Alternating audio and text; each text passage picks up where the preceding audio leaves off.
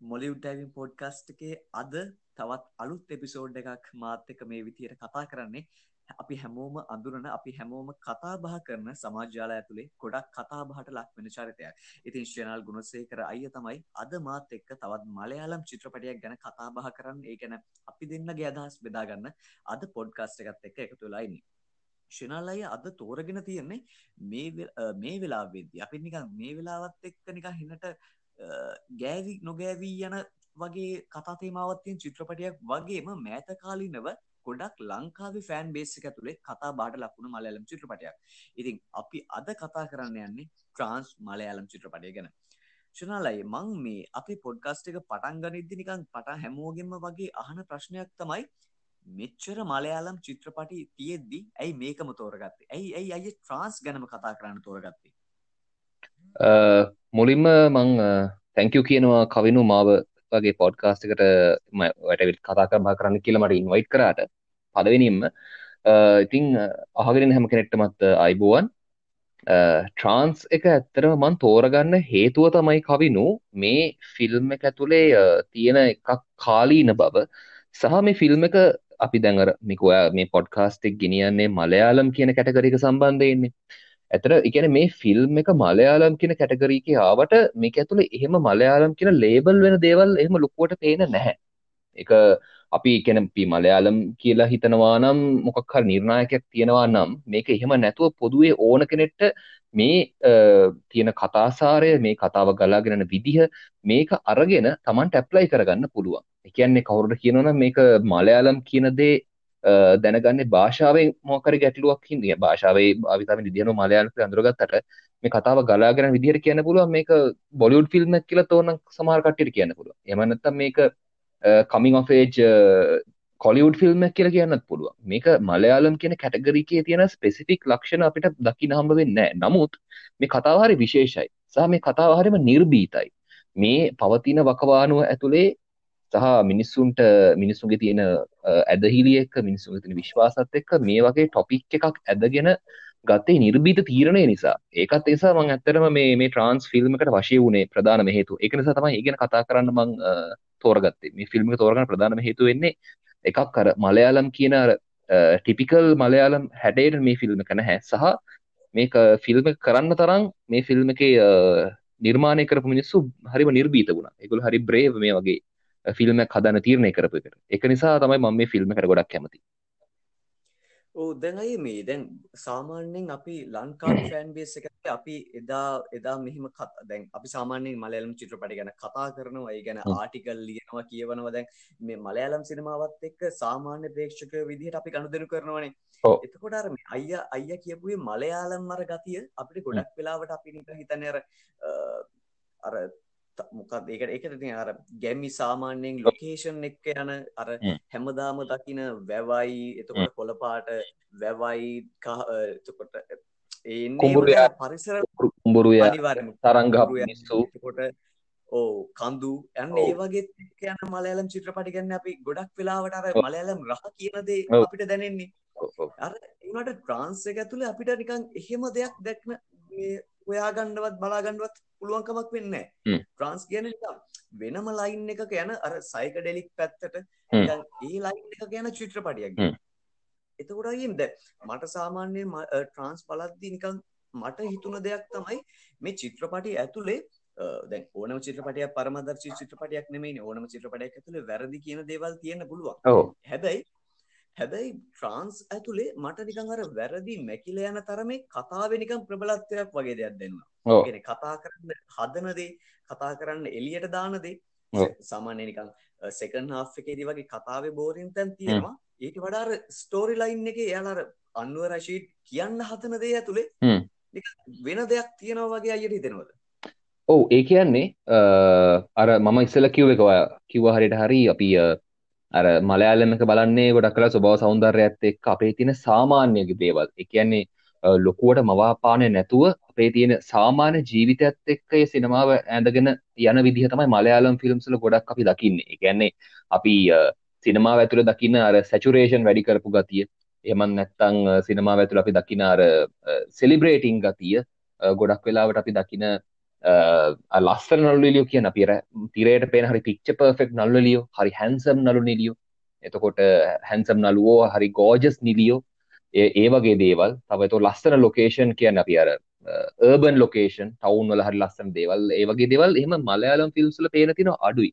Malayalam film එක ඇතුලේ තියෙන ලස්සන තියෙන අපි නිතරම එක කර කැටකරයිස් කරන්න අපිට දකින්න තියෙන මේ ස්වභාව සෞන්දර්යසා බොහොම සාමාන්‍ය ජීවිතය සරල ජීවිතය. සරල ජීවිතයත් එක කොහොමද මේ සිනමාව ඇඳගෙන ඒ ඔස්සේ සෞන්දර්යාත්මකව සහ සිනමාත්මකව මේ ඉදිරිපත් කළ තින ආකාර දකිින් ලැබෙන්නේ. නමුත් ට්‍රාන්ස ඇතුළ එහෙම නොකර මම හිතනවා ඒක සමහරවිට මේ හිතුනත් දන්නෙත් නැහැ සමහර විට මේ විදිහ දෙයක් කරන්න අවශ්‍ය කළ කියන ඇර ඒ අර ටිපිකල් ලේබල්ලකින් ගැලවිලා දෙයක් කරන්න. එකන අපි හිතමු අපි දැන් ගත්තුත් ලංකාව තින සම්භාව්‍ය කියන අරමං කෝට් කරලා කියනවා මේ දෙපැත්තෙන් කමා දෙකක් දාලා. සම්භාව්‍ය කියලා කියන කැටකරයකටන සිනමා නිර්මාණ ටිකක් තියෙනවනේ. එතොරේ ඒ සිනමා නිර්මාණවල කාලක් නිසා අපි දකින හරි කී එලිමන්ස් ටිකක් තියෙනවා. අර කටුමැටි ගෙදර තනි ගහ වේලිච්ච පැත්ත එතකොට ආර්ථික දුෂ්කරතාවය ඒක ඇතුළේ තියෙන ලිංගික ගනුදෙනුව සිද්ධ වෙන ආකාරය ලිංගික අසාධාරණකම් මේ වගේ දේවල් එක තුලා ගොඩක් යන සම්භාව නිර්මාණ අපි දකලා තියෙන කාලයක් තිස්සේ හැදෙනවා මේ ලංකාව තුළ එකන අවෝඩ් සෙරමනීස් වලට හද නිර්මාණ කියලා ලේබල් වෙලා තියෙනවා අන්න එහෙම දේකට මලයාලම් ෆිල්ම්සුත් කැරකෙනවාගේ තේරිච්ච නිසාමද නිසාම මේ වගේ බොහොම නාගරික ප්‍රෝච්චයක් කරගෙන වෙනම තීමයක් කරගෙන කතාවක් කරාද කියලත් මට සමහරලාට හිතෙනවා. එමන්නත් පුළුවන් කවින. ඕ අනිත්තකයි දැන් ට්‍රන්ස් චිත්‍රපටය කියන්නේ මේක අර මේ කාස්ට එක වේවා හෙමත් නැත්තං කාර්මික ශිල්පීන් වේවා මේ මේ කට්ටියගේ කලින් චිත්‍රපටිත් එක්ක ගත්තහම නිකන් සෑහෙන වෙනසක් කරපු චිත්‍රපටියක්.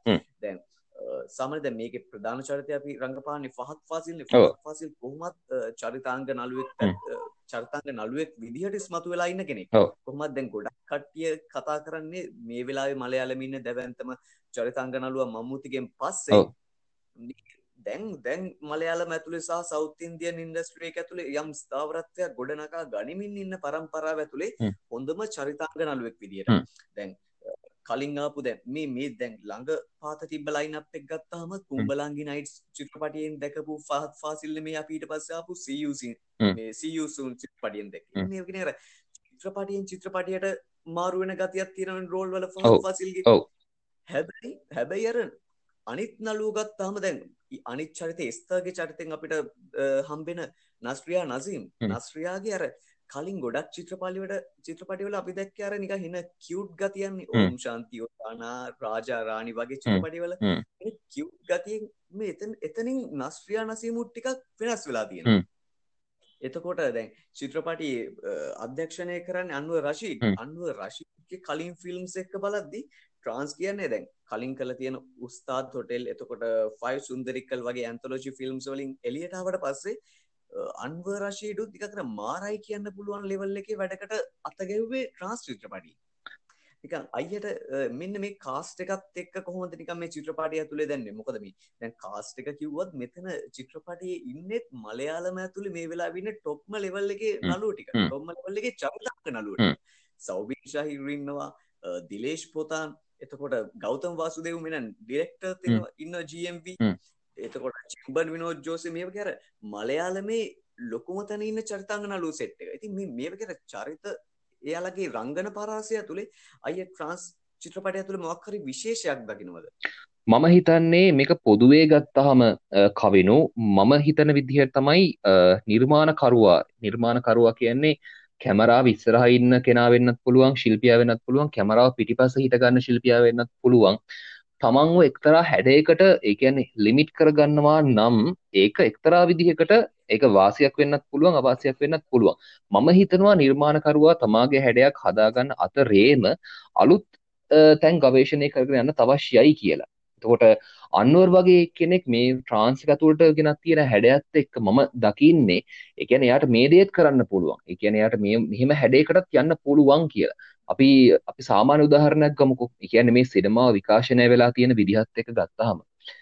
අපි ලංකාවේ උදාහරණයක් ගමුකෝ. ලංකාවේ සිනමා විස්සර ඩයලොක්ස් දිලිව කරපු විදිහ කොහොමද? හරි හරි.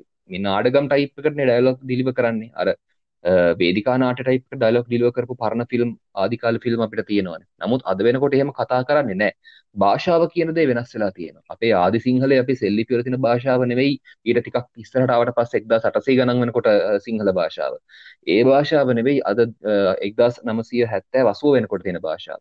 ඒ තිබ්බ භාෂාව නෙවෙයි එතකොට 2020 රැවිත් තියෙන්නේ. 2040 වෙද්දි තියෙන සිංහල භාෂාවට තවත් අලුත් වචන එකතු වෙලා තියෙන්නේ.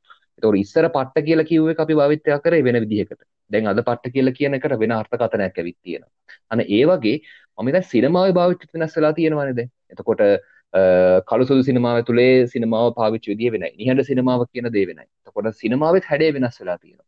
අපි ඉන්දියාවේ ගත්තොත් දකුණු ඉන්දිය චිත්‍රපට ශෛලිය ගත්තොත් එහෙම දකුණු ඉන්දිය චිත්‍රපට ශෛලිය ඉස්සර අනිවාර්යයෙන්ම තිබුණේ තක්කාලි ලෑල්ලක් පෙරලගෙන වැටෙන පොලේ ෆයිට් එකක් තියෙන කඩු කිනිසි අමෝරගෙන සරං උස්සගෙන දුවන ඒක ඒ ඒක අනිවාර්ය සාධකයක් කියලා තියෙනවා. නමුත් අද වෙනකොට ඒ ඒගොල්ලන්ගේ තියෙන තමිල් අපේ දකුණු ඉන්දිය අනන්‍යතාවය තියාගන්න ගමන්ම ඒගොල්ලෝ විවිධාකාර තැන්වලට යනවා. ඒ කියන්නේ එතකොට ඒගොල්ලෝ කතා පැත්තෙන් ඒගොල්ලෝ සයන්ස් ෆික්ෂන් දේවල් හිතනවා. කතා පැත්තෙන් ඒගොල්ලෝ වෙනම රොමැන්ටික් දේවල් කතා පැත්තෙන් පොඩ ඉන්ටර්නැෂනල් ප්ලොට් ගැන හිතනවා. ඒතර ඒ දේවල්ට දමිළ සිනමාව මේ ඉන්දියාවේ මේ දකුණු ඉන්දිය සිනමාව දමිල සිනමාව ඒවත් අප්ඩේට් වෙලා තියෙන එක නිසා මම හිතන්නේ මලයාලම ඇතුළේ තමන්ගේ නිර්මාණකරුවෝ ඇතුළේ මම හිතන අන්වර් තමන්ගේ හැඩේ වෙනස් කරගත්ත එක මරු. මේ ශිල්පීන් හැම කෙනෙම තමන්ගේ හැඩේ වෙනස් කරගත්ත එක මරු. ඒක මට හිතෙනවා සමහරට අධ්‍යක්ෂවරයාගේ තියෙන මේ මේකත් එක්ක ඒක අධ්‍යක්ෂවරයක් වෙනස් වෙලා තියෙනවා ඒ ඔස්සේ. අධ්‍යක්ෂයට හරියට පුළුවන් නිර්මාණකරුවා තමන්ට දායකත්වය ලබා දෙන ශිල්පීන්ව DOP වෙන්න පුළුවන් තමන්ගේ කලරිස්ට වෙන්න පුළුවන් තමන්ගේ ආඩිරෙක්ට වෙන්න පුළුවන් කැමරක් ඉස්සරහ හිටගන්න නල්ලියටක වෙන්න පුළුවන් තමන්ගේ මියසික් ඩිරෙක්ට වෙන්න පුළුවන් ග්‍රෆික් ඩිසයිනින් කරන හදන එක්කෙන වෙන්න පුළුවන්. ඒ හැම කෙනෙක්ම අප්ඩේට් කරන්න පුළුවන් වෙන එයත් අප්ඩේටඩ්න එකනිසා මම හිතන්නේ හැම කෙනෙක්ම එකතු වුණාම අපි අර ගැන නිර්මාණ ශිල්පියෙක් කියලා කියන්නේ එතකොට ටැලන්ට් එකක් තියෙන මිනිස්සෙක් කියන හරියට මැටි ගොඩක් වගේ. හොඳට මැටි ගොඩක් තියෙනවා වගේ පදම් කරපු. ඒක හරියට ක්‍රාෆ්ට් කරලා Tamanට අවශ්‍ය නිර්මාණය අරගෙන ඩිරෙක්ටර් දැනගන්න ඕන. ඩිරෙක්ටර් ඒ මිනිස්සුගේ තියෙන ටැලන්ට් එක එළියට ගන්න දැනගන්න ඕන. නැත්නම් නිකම්ම නිකන් මැටි ගොඩක් විදිහට තියන්න නැතුව ලස්සන කලයක් හදන්නේ කොහොමද? ලස්සන වාස් එකක් හදන්නේ කොහොමද? ලස්සන නිර්මාණයක් හදන්නේ කොහොමද කියන එකේ ස්කිල් එක එළියට ගන්න ඕන. මහිත ඩිරෙක්ට අප්ඩේට් වීම තුළ මට හිතන අන්වර්ගේ අප්ඩේට් වීම මේකට බලපාන ඇති මේ තියෙන වෙනස් හැඩයත් එක්ක අනිත් අයගේ පෙනුමේ ඉඳලා පෙනුමේ ඉඳලා වෙනස් කරලා මේකට වෙනස් අර්ථකථනයක් දෙන්න පුළුවන් වෙච්ච එකට මම හිතනවා ගොඩක් විට ඩිරෙක්ටර්ගේ මැදිහත් වීමක් තියෙන ඇති කියලා. මම හිතනවා අන්වර්ගේ පැත්තෙන් අන්වර් රෂීඩ්ගේ පැත්තෙන් ඒකට දායකත්වයක් ලැබෙන ඇති එයා අප්ඩේට් වෙච්ච එක එයා පොඩ්ඩක් හිතන්න ඉතින් තමන් මේ ඉන්න ස්කෝප් එකෙන් එහාට පොඩ්ඩක් ගියා නම් හොඳයි කියලා. ඒක තමයි මට ට්‍රාන්ස් ඇතුලේ පේන තියෙන්නේ. ඔවයි දැන් අර මෙතනදී අර මේ දැන් කලින් ආපු මාර්කට් එයාලගේ මාර්කටින් කැම්පේන් එක ඇතුළේදී ආපු පෝස්ටර්ස් වල පවා ආපු ටයිටල් ට්‍රැක් එක පව මේක ටයිටල් ට්‍රැක් එක කරන්නේ අපිට හුරුපුරුදු මලයාල මූුණක් විනායකන් කරන ටයිල් මේ ෆිල්ම් එක ටයිටල් ට්‍රැක් එක. ඊළඟට කැමරා අධ්‍යක්ෂණය කරන්න අපි කලින් දකපු කොම්රේඩ්ඩින් ඇමරිකා වගේ ෆිල්ම් කරපු අමල් නීරත් කරන්න මෙතැන්දි කැමරා අධ්‍යක්ෂණය.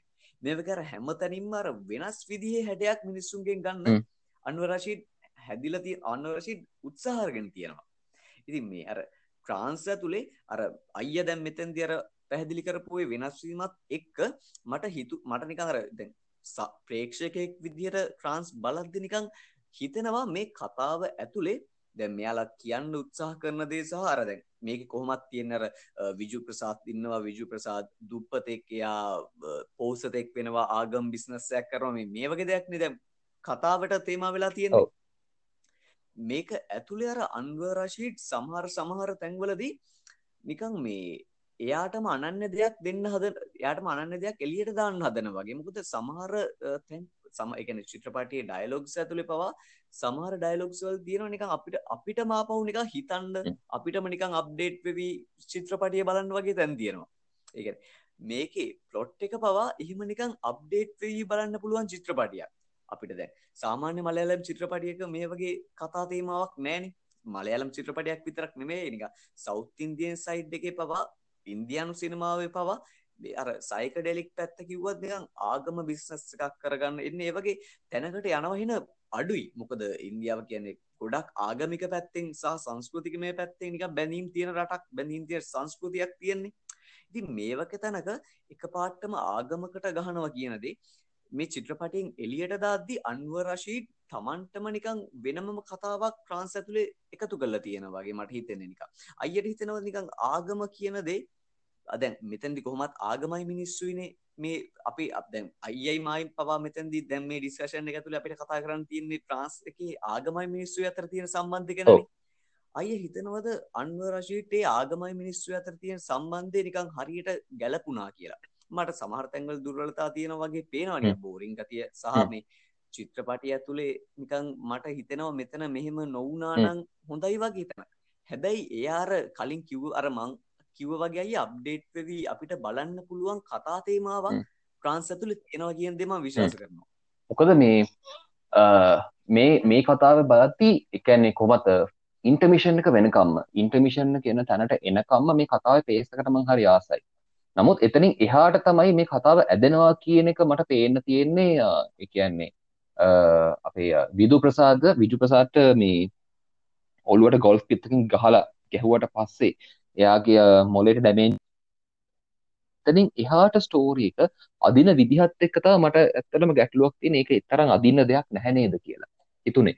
ඒ කියන්නේ එකයි එයාට ඒ ඔළුවට පහරක් ගහලා ඉවරලා එයාව මරන්න හදනකොට මරණ මේ මොහොතේදී ආපහු එයාට සිහිය ඇවිල්ලා ඊට පස්සේ එයාගේ අර තියෙන විකෘති මානසිකත්වය පෙන්වන සීන් එකක් තියෙන්නේ අර පොඩි වෙයා හවුස් එකකට වගේ ගෙන්නලා ඉවරලා එයා කටියට චැලෙන්ජ් කරන්නේ එතනදී මට හිතුනේ මම මේ ෆිල්ම් එකේ තිබිච්ච එක පොඩි මේ ඩීටේල් එකක් කියන්නේ මට හිතුනේ ඒක අර ඊට වඩා වෙනස්කම් තිබුණයි කියලා.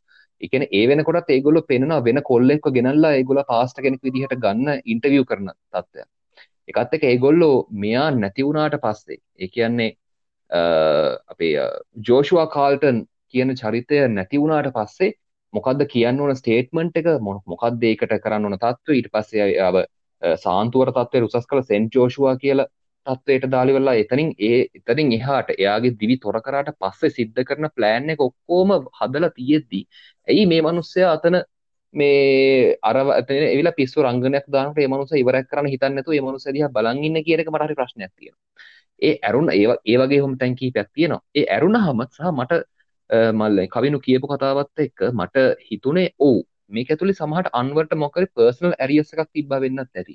කවුරු හරි අපි ඕන තරම් දකිනවා එහෙම මේ තමන්ගේ තියෙන ග්‍රජ සිනමා නිර්මාණවලට තමන්ගේ නිර්මාණවලට ගේන මොන් තරම් දකින්න පුළුවන් නිර්මාණකරුවා කවුරුහරි කෙනෙක් තමන්ගේ හිත තමන්ගේ හදවත කොනිත්තපු මොකක් හරි සිද්ධියක් ඒක ප්ලොට් එකක් විදිහට හදලා නිර්මාණයක් විදිහට ගේනවා වෙන්න පුළුවන් ඕන තරම්. අනිවාර්යයෙන් මෙහෙම මොකක් හරි හේතුවක් තියෙන්න පුළුවන්. ඒ නිසා මේක අසම්බන්ධයෙන් අන්වර්ට සමහරට පර්සනල් අත්දැකීමක් තිබුණාද කියලා හිතනවා. මොකද මේක මේ කතාව පොදුවේ සියලුම ආගම් වලට එල්ල කරන පහරක් විදිහට පෙන්වත් මේක නිතර කෙලින්ම එක එක ආගමික ප්‍රයත්නයක්. එක්තරා විදිහක එක්තරා ආගමික නිකායක් බේස් කරගෙන ඒකටම පහරක් ගහද්දි මට හිතුනේ මේක සමහරට ඒ කවුරු හරි අනුවර්ගේ සමීපතමයෙක් වෙන්න පුළුවන් අනුවර්ගේ හිත මිතුරෙක් වෙන්න පුළුවන් අනුවර්ගේ හිත බිඳලා දාලා ගිය සමහරට පරණ ප්‍රේමයක් වෙන්න පුළුවන්. එහෙම මොකරි තමන්ගේ තියෙන පර්සනල් ඇරියස් එකකට දාපු උත්තරයක්ද කියන එකත් සමහරවිට හිතෙනවා. ඒක හිතනවා. ඒක සාධාරණයි. මං අය දැන් මේ මෙතන ඉඳන් පොඩ්ඩක් නිකන් මට තියෙන අර පොඩි පෞද්ගලික කැමැත්තකට මෙතන නිකන් ඩිස්කෂන් එක පොඩ්ඩක් වෙන පැත්තකට වගේ අරයන් හදන්නේ. මොකද මේ මන් දන්නවා මේ කියවීම ඇතුළේ අයියට මේ මේ මේ කාලය ඇතුළේ අයියට වෙනම කියවීමක් තියෙනවා කියලා. දැන් මේ කාලේ දක්න ලැබෙන සිදුවීම් එක්ක සහ ට්‍රාන්ස් චිත්‍රපටයේ ගැලපෙන ගැලපෙන තැන් ගැන. මං ඒක හින්දා පොඩ්ඩක් පොඩි යූටර්න් එකක් ගහලා මට හිතෙනවා නිකන් ඒ පැත්තට මේක අරන් ගියොත් ට්‍රාන්ස් එක අපිට මේ වෙලාවේ අර අපේ ජන සමාජය තුළ දක්න ලැබෙන සිදුවීම් ටිකක් ගලපගන්න පුළුවන් කියලා. ඉති මම අයියගේ මම මෙතැන්දී අයියට ලොකු ගොඩක් කතා කරන්න ඉලස අයියගේ අදහස් තමයි වැඩිපුරුම් මට මෙතින් දැනගන්න ඕනි. දැන් පැණි තුන හතරක් ඇවිල්ල තියෙන කාලෙක අපිට අපිට පේන්නම දෙවියෝ ෆෝන් රීචාර්ජ් කරනවා කියලා පාස්ටර්ස්ලා කියන කාලෙක ට්‍රන්ස් වගේ චිත්‍රපටයක් අපි අතර ජනප්‍රිය වෙනවා. අපි කතා බහට ලක් වෙනවා අපි අතරේ මෙන්න මේ වගේ සිදුවීම් එක්ක අපේ දැන් මං එතන්දි කියන්නේ ලංකාවේ මිනිස්සු මෝඩයිවත් ලංකාවේ මිනිස්සුන්ගේ ජන විඥානය ඇතුළට දෙවියෝ කියන දේ පුදුම විදියට ගැබ්වෙලා තියෙනවා. එයාලට එතනින් එළියට එන්න බෑ කියන දේ නෙමෙයි. හැබැයි අපිට පෙනිපෙනීම මිනිස්සුන්ව රවට්ටන කාලෙක ට්‍රාන්ස් චිත්‍රපටය කොහොමද එතෙන්ට එකතු වෙන්නේ? එතෙන්ට ගැලපෙන්නේ කොහොමද? මෙහෙමයි කවිනු. අපි මේ මම කිව මේ ෆිල්ම්කට ඉස්සෙල්ලම මම ආසවෙන්න හේතුව ප්‍රධානකත් තමයි මේක මේ පවතින මොහොතේ තියෙන එක්තරා සිදුවීමකට බොහොම සමීපව සම්බන්ධ වෙන්න පුළුවන් විදිහේ ප්ලොට් එකක් වීම. මේ කතා තේමාවක් වීම සහ අපි මේ ඉන්න සමාජයත් එක්ක ඉන්දියාව සහ ලංකාව කියලා කියන්නේ අපි ගොඩක් සමීපයිනේ. අපි අපිට ජානමය සම්බන්ධයකුත් තියෙනවා. සංස්කෘතිකමය සම්බන්ධයකුත් තියෙනවා. එතකොට භූමි පිහිටීම ගත්තම එතන අසල්වාසිකමකුත් තියෙනවා. ඒක නිසා අපි කොහොමත් ඉන්දියාව සහ ශ්‍රී ලංකාව කියලා කියන එකම ලයින් එකේ යන රටවල් අපිට නෑකමක් තියෙනවා. ඒක අපි හොඳ ආකාරවම දන්නවා. ඉතින් අපේ තියෙන සිතුම් පැතුම් මෙහෙමයි. අපේ තියෙන සමාජ මේ පසුබිම ගොඩක් වෙලාවට සමානයි. අපේ තියෙන විධාකාර තැන්වල සමහරතැන් වෙනස් වෙන පුළ නමුත් අපි බහුතර සමස්තයක් වශයෙන් ගත්තාම ඉන්දියාව සහ ලංකාවේ පොදු මානසිකත්වය තියෙන්නේ එක රේන්ජයක පොදු බහුතර මානසිකත්වය.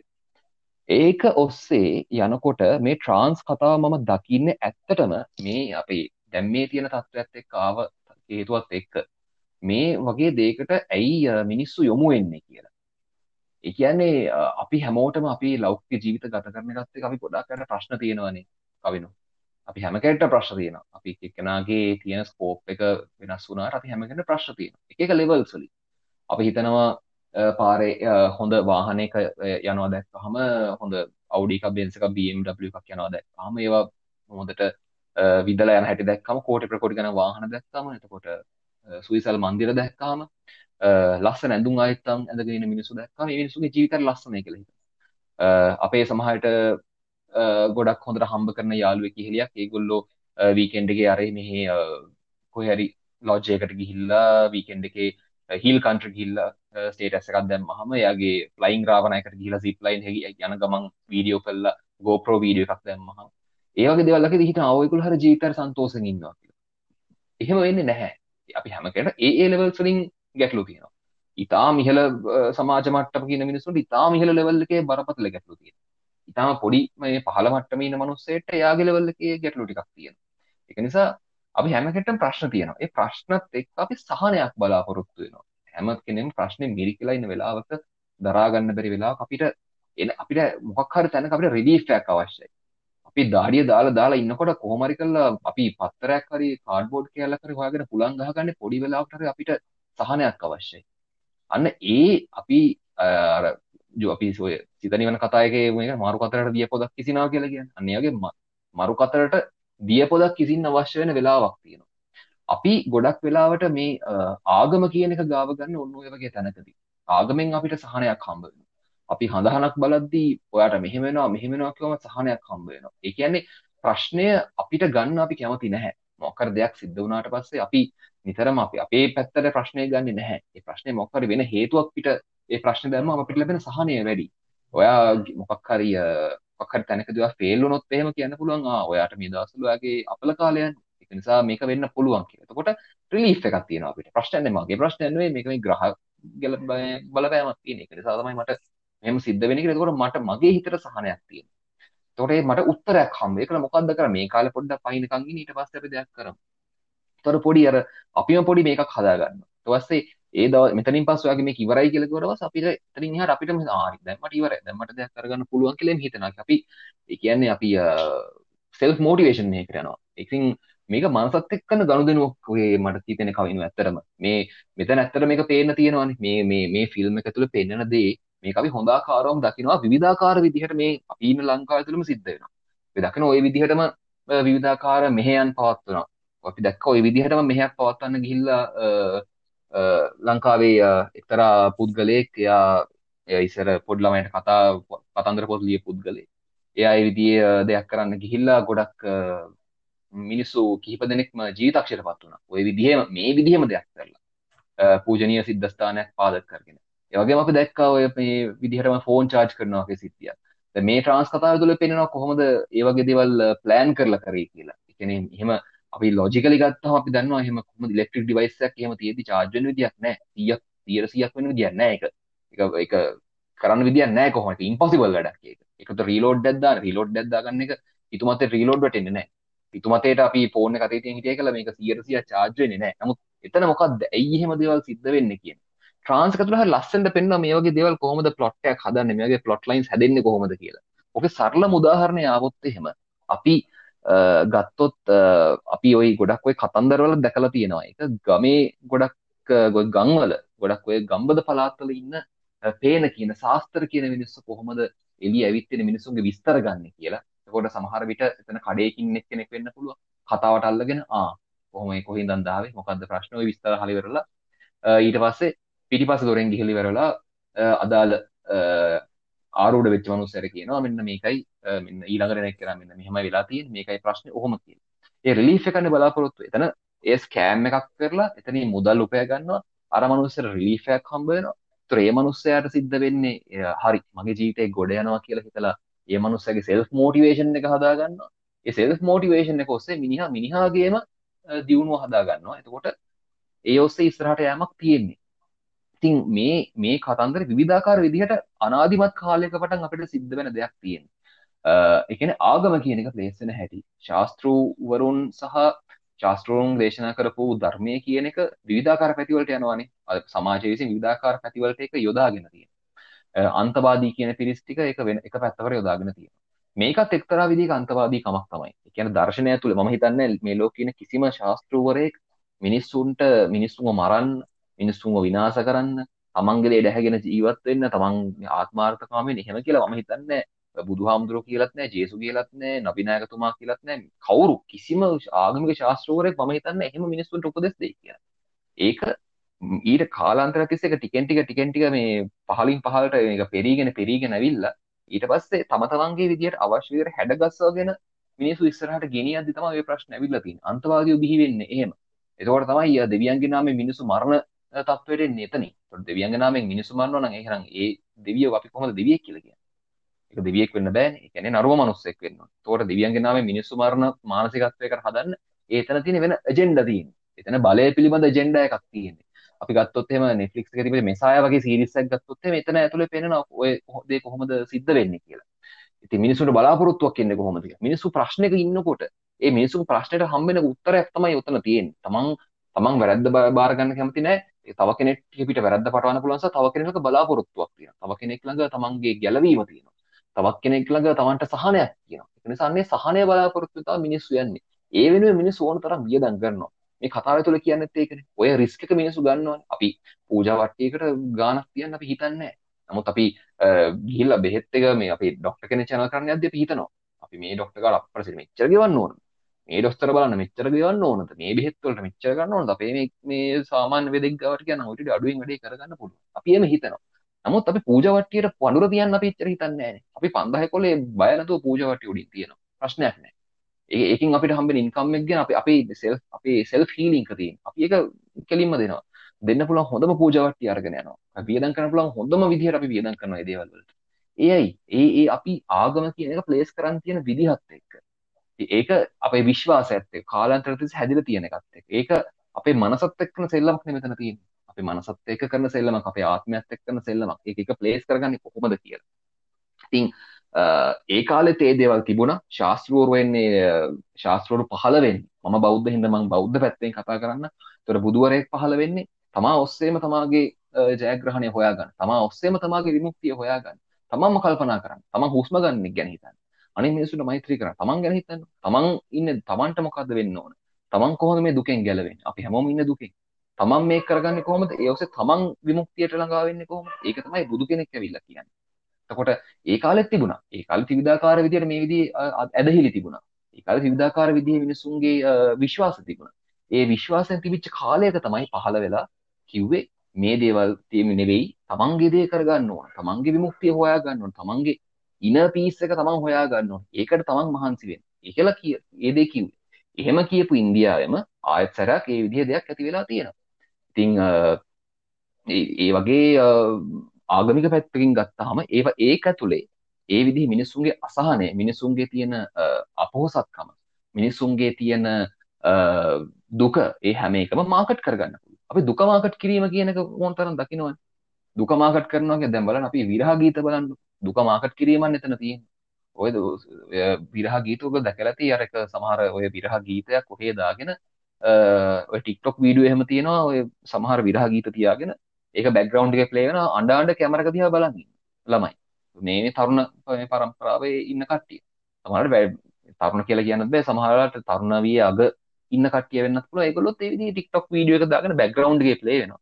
මේගොල්ලෝ ඉඳගෙන කැමරාවට අඬනවා. අපි ගොඩක් වෙලාවක් දැක්කේ මගේ නංගියා ඔයා ගියාට කමක් නෑ නං ගියා කියලා වීඩියෝ එකක් එම ෆේමස් වුණේ ඒවා. ඒතර අර මරණ පරීක්ෂක කියලා වීඩියෝ එකක් ආවා. මගේ පපුව බලන්න. මෙහෙම තියේවි. වග්ගොඩ දෙක බලන්න. කුණු වෙලා තියෙවි. අර ඔය වගේ ඔය ඔය වගේ කතන්දර ටිකක් ආවනේ. ඒතකොට ඒතකොට දුක මාකට් කිරීමක් තියෙන ඒ දුක මාකට් වෙනවා. ඒතකොට බූට්ටයක් ආපු කාලෙක අහන්නම විරහ ගීත ටික තියෙන්නේ. ඒතර මිනිස් දුකේ ඉන්නකොට ඔය ඔය ඔය දුක මාකට් කිරීම ගොඩක් දකින්න පුළුවන්. ගොඩක් වෙලාවට මම හිතන කවියෝ අතරෙත් ඔය දුක මාකට් කිරීම ගොඩක් වෙලාවට සිද්ධ වෙනවා. අද වෙනකොට මම දැකලා තියෙනවා YouTube ඉන්ටර්විව් කියන එක. මම කරන්නේ මමත් YouTube ඉන්ටර්විව් කරන කෙනෙක්. දැන් මේ මෑත කාලේ මම YouTube ඉන්ටර්විව් එකක් කරේ නැහැ. YouTube ඉන්ටර්විව්ස් උත් දැන් එන්නේ දුක මාකට් කරන තැනට. ඉස්සෙල්ලා YouTube ඉන්ටර්විව් කියන එක තිබුණේ කවුරු ඉන්න හොඳ රැඟ පේන්න ඉන්න තමන්ගේ සෙක්ස් අපීල් එක එළියට දෙන වල් කියල පෙන අර ගොන් කෑල් බඩුව අර අපි එහෙම කටගරයිස් කරන කටිය ඉන්ටවියව කරම තමයි පැය විසි අතරක් යනකට ලක්ෂ දෙකතුන වියස් ගන තත්වරින් දැන් අලුතෙන්ම විත් තියෙනවා දුක මාකට් කරන්න මං පොඩි කාලෙ මෙහෙමයි හිටිය. මට මේ මේක මේ ප්‍රශ්න මං මෙහෙ මෙච්චර මේ වගේ අපහසුතාවක හිටි අප ගෙදර මේ ප්‍රශ්න තිබුණ. ඒත් මං අද මෙතැන් පැවිත් ඉන්න අර ඒ ඒදේ රැක්ස්ට රිචස් කියන ස්ටෝරිය මාකට් කලද ඒකත් දැන් හරි ඔබ්වියස් වෙලා තියෙන දැන්නිකන් අර අඩ මනුස්සයෝ මනුස්සෙක් ම අඩු තැනකින් උඩටාව කියන ඒක නිකන් දැන් කියන්නත් ලැජ්ජයි වගේ තත්යකට දැන් ඇවිත් තියෙන එක වෙනදට ආඩම්බරෙන් කිව්ව දැන් මේ YouTube ඉන්ටර්විව් එක එක හරි අප්සෙට් තැනකට ගිහිල්ලා තියෙනවා. අපි දැන් ඔන්ටර්ප්‍රනර්ස්ලා ඉන්ටර්විව් කරලා දැන් හැමෝම මේ ඔන්ලයින් ඔන්ටර්ප්‍රනර් කි යං ඔන්ටර්ප්‍රනර් කියන එක දැන් ඒකත් හරි අප්සෙට් තැනකට ගිහිල්ලා තියෙනවා. ඒ කියන්නේ ඕන තරම් මනුස්සෙට බිස්නස් කරන්න පුළුවන්. අපි ඉස්කෝලේ යන කාලෙත් හිටියා ඒ වගේ ළමයි පොඩි කාලදම්ම පොඩි පොඩි බිස්නස් කරලා. දෙනකොට ඒ බිස්නස් එක ඒ බිස්නස් කිරීම තමන්ගේ තියෙන මාර්කටින් ස්කිල්ල ඔන්ට්‍රපිනස් කිල්ල දියුණු කරගෙන තත්ත කරාපු කට්ටිය මගෙත් යාළුවොන් තරම් ඉන්නවා. මොකද එහෙම නැතුව දැන් ඒක රැල්ලක් වෙලා තියෙන අර රැල්ලට ව්‍යවසායික සෙට් එකකුත් හැදිලා තියෙනවා. ඒකට ඒකත් එක්ක ඔය ඔය වගේ පැතිවලට යනවා. එතනත් දුකක් මාකට් කිරීමක් තමයි මම මෙහෙම පටන් ගත්තේ. දැන් එහෙම පොඩි තැනක ඉඳන් පටන් ගත්ත කියන එකත් නිකන් ලැජ්ජයි වගේ. එහෙම එහෙම ගැටලුකුත් ඇවිත් තියෙනවා. ඒ නිසා දුක දුක සහ අපි ආගමිකව ගත්තත් කියන දුක දුකට හේතුව දුකින් මිදීම දුකින් මිදීම මාර්ගය කියන එක. චතුරාර්ය සත්‍යයේ තියෙනකොට අනේ චතුරාර්ය සත්‍යය දැන් වෙන විදිහකට පැනලා ඉවරලා වෙන ට්‍රැක් එකකට මාරලා වෙන හැඩයක් ඇවිල්ලා ඒක දැන් වෙන බිස්නස් එකක් වෙගෙන යන තත්ත්වයක් පේන තියෙනවා. ආගම කියන එක ඇප්ලයි කරගන්න ඕන උතනදී. අපේ දුකට පිට වෙන්න මෙච්චර ගාණක් ගෙවන්න. ඔයාගේ දුකට මෙහෙම උත්තර දෙන මෙච්චර ගාණක් ගෙවන්න. පොඩි ස්කීම් එකක් ඇවිත් තියෙනවා. මේක ඇතුලේ මේක ඇතුලේ ඒ කියන්නේ ඒ මේ අනිත් මිනිස්සුගේ දුක උඩින් මිනිස්සු තව පිරිසක් ඒක ඔස්සේ තමන්ගේ පාත් එක හදාගෙන තියෙනවා. තමන්ගේ වේතනය හදාගෙන තියෙනවා. තමන්ගේ ඉන්කම් එක හදාගෙන තියෙනවා. තමන්ගේ ජීවිකාව හදාගෙන තියෙනවා. ඕක ඕන තරම් හැම මම එක ආගමකට විතරක් කියනවා නෙවෙයි. හැම ආගමකම සියලු ආගම බෞද්ධ ආගමේ පවා. ඕන තරම් ওই බිස්නස් එක ඕන තරම් හරියට මේ සිද්ධ වෙගෙන යනවා. අපි කොරෝනා කතන්දරයට එන්න කලින් මම කියන්නේ මොකද? ඊට කලින් අපි බෞද්ධ ආගම කියන එක ඕන තරම් බිස්නස් එකක් කියලා තියෙනවා. අපි ඒක ඕන තරම් දකින්න පුළුවන්. අපි කවි බණ CD ඕන තරම් උණු කැවුම් වගේ කවි බණ CD විකිනනවා. එතකොට අපි ඕන තරම් දකිනවා මේ බුද්ධාගම කියන එක මාකට් කරන්න ඕන තරම් බුද්ධාගම කියන ෆ්‍රන්ට් එක තියාගෙන පිටිපස්සේ මොන තරම් වැරදි වැඩ සිද්ධ වෙනවද කියලා. එතකොට හැමදේම සිවුරට මුවා වෙලා කොච්චර වැරදිද සිද්ධ වෙනවද කියලා. මොකද මිනිස්සු ප්‍රශ්න කරන්නේ නැහැ. මිනිස්සු ප්‍රශ්න කරන්න බයයි. එතකොට ඒක ඒක නිසා ඒ සිවුර පෙන්නගෙන සිවුරට මුවා වෙලා මිනිස්සු මොන තරම් දහජරා වැඩ කරනවා. මොන තරම් වැරදි වැඩ කරනවා. ඒක අපි ඕන තරම් මේ සමාජය අපිට අහන්න දකින්න ලැබෙනවා. සමහරු හිටියටිය බුදු වෙනවා. සමහරු හිටියටිය රහත් වෙනවා. සමහරු රහත් වෙච්ච රහත් වෙන්න කෝස් තියෙනවා. රහත් වෙන්න මේ සර්ටිෆිකේට් කෝස් කරනවා. ඉතින් ඔය වගේ හරි ඒ ඒ විධාකාර පැතිවලින් විධාකාර විදිහයට බෙදලා තියෙනවා. අපි වෙනත් ආගම් වලට ගත්ත එහෙමයි. අපි ක්‍රිස්තියානි ආගමෙන් ගත්තත් ක්‍රිස්තියානි ආගමෙත් හරි විකාරූපී දේවල් තියෙනවා. මං හිතන්නේ ජේසු කීරත් ජේසු ජේසු ක්‍රිස්තුස් වහන්සේ ගැන හැම කෙනෙක්ටම ආදරය කරන්න. දැන් මේ ඊයේ නත් අපි මේ රෙකෝඩ් කරන දවස් අද 26 ඊයේ නත් කරලා තිබුණා. ඒකට හැමෝටම ආදරය කරන්න. සාමේ කුමාරයා තමයි මේ ලෝකෙට එන්නේ පණිවිඩ. හැමෝටම ආදරය. අනික අනිකාට මෛත්‍රී කරන්න. අසල්වැසියාට ප්‍රේම කරන්න. ඒ කියන්නේ අපි හැමෝටම මෛත්‍රී කරන්න කියලා බුදුහාමුදුරුවෝ කියලා තියෙනවා. අතන අසල්වැසියට ප්‍රේම කරන හරි සරල ප්‍රෝච් එකක් තියෙන මම මගේ අසල්වැසියට ප්‍රේම කරන මට එහා පැත්තේ ඉන්න කාට මං කරදරයක් වෙන්නේ නැත්තම් ඒක එහෙම ටික ටික වැවිලා ගිහලා කවුරුත් කාටවත් කරදරයක් කරන්නේ නැහැ. ඕක තමයි සරල තීරිය තියෙන්නේ. ඒ කියන්නේ ඒක ඒක තේරුම් ගන්න අපිට ආගමක් අවශ්‍ය වෙන්නේ නැහැ. අනිත් මනුස්සයට වදයක් වෙන්න තු ඉන්න කියලා කියන්නේ අපිට මේ කියම අපි ඩයිහාඩ් බෞද්ධයෙක් වෙන්න ඕනේ ඩයිහාඩ් ක්‍රිස්තියන් මනුස්සයෙක් වෙන්න ඕනේ ඔතාව සතෙක්ව මරන්න එපා කියලා කියන්නේ. මිනිසුන්ට බොරු කියන්න එපා කියලා මිනිසුන්ට ඇණයක් වෙන්න එපා කියලා කියන්නේ. අනිත් මිනිසුන්ට ආදරය කරන්න කියලා කියන අපිට එහෙම මේ හතර පොළ සිල් ගන්න අවශ්‍ය නැහැ. නමුත් අර එතනින් සිද්ධ වෙන මිනිස්සෙන්ට අපි අපි වල්මත් වෙන්න තියෙන chance එක වැඩි නිසා එතනින් පොඩි ගයිඩන්ස් එකක් දෙනවා. ඒ ගයිඩන්ස් එක අපි අප්ලයි ඇප්ලයි කරගන්නේ හරි වෙන විදිහකට ඒ ඇප්ලයි ඇප්ලිකේෂන් එක හරි අප්සෙට් අන්න ඒක ඇතුළේ තමයි මිනිස්සු ඒ අප්සෙට් ඇප්ලිකේෂන් එක තේරුම් අරගෙන බිස්නස් කාරෝ රිංගලා අන්නේ අප්සෙට් ඇප්ලිකේෂන් එක තමන්ගේ ජීවිකාව හදාගන්න මහන්සි වෙන්නේ ට්‍රාන්ස් එක ඕක ඇතුළේ එක ආගමක් බේස් කරගෙන ඔය පෙන්නපු දේ ඉතාම වටිනවා. මම ওই ෆිල්ම් එකට ගොඩක් ආස එකයි දැන් අපි දකිනවා දැන් මේ මෑතකදී අපි දැක්ක උදාහරණ තමයි මේ පැණිය පැණි කතන්දරෙත් එක්ක ආව එක. එතන මොකද්ද තියෙන්නේ? පැණි කතන්දර ඇතුළේ තියෙන්නේ මිනිස්සුන්ට බෙහෙතක් අවශ්‍යයි. ඒ කියන්නේ මිනිස්සු ප්‍රශ්නක ඉන්නේ. මේ මේ සේම ඇප්ලිකේෂන් එක තියෙන්නේ. මිනිස්සු ප්‍රශ්නක ඉන්නේ. මේ දවසින් දවස දවසට දැන් 700ක් එනවා. දවසකට අපි දැන් මේ අවුරුදු මුල කාලේ ගත්තොත් එහෙම දවසකට එක රෝගියෙක් දෙන්නෙක් වාර්තා වෙන එක ලොකු නිවුස් එකක්.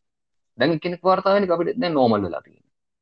ඒතකොට දැන් දවසකට දැන් 700ක් කියන එක දැන් දවසට දැන් අද දවස් 300 දැන් මේකට මම හිතන්නේ 400ක් ගානක් වෙනකොට පොසිටිව් වෙලා තියෙනවා. අද දවස් ඇතුළත මට මතක විදිහට 593ක්. අද දවසට 593 තුන් දෙනෙක් පොසිටිව් වෙලා තියෙනවා. හිතන්න අද දවස් ඇතුළට රෑකලාට කිව්වොත් අද දවස් 200යි වාර්තා වුණේ කියලා. දැන් නිකන් මදි වගේ පොඩි ගතියක් දැන් දවසකට නිකන් 500 කොට පන්නලා තියෙනවා.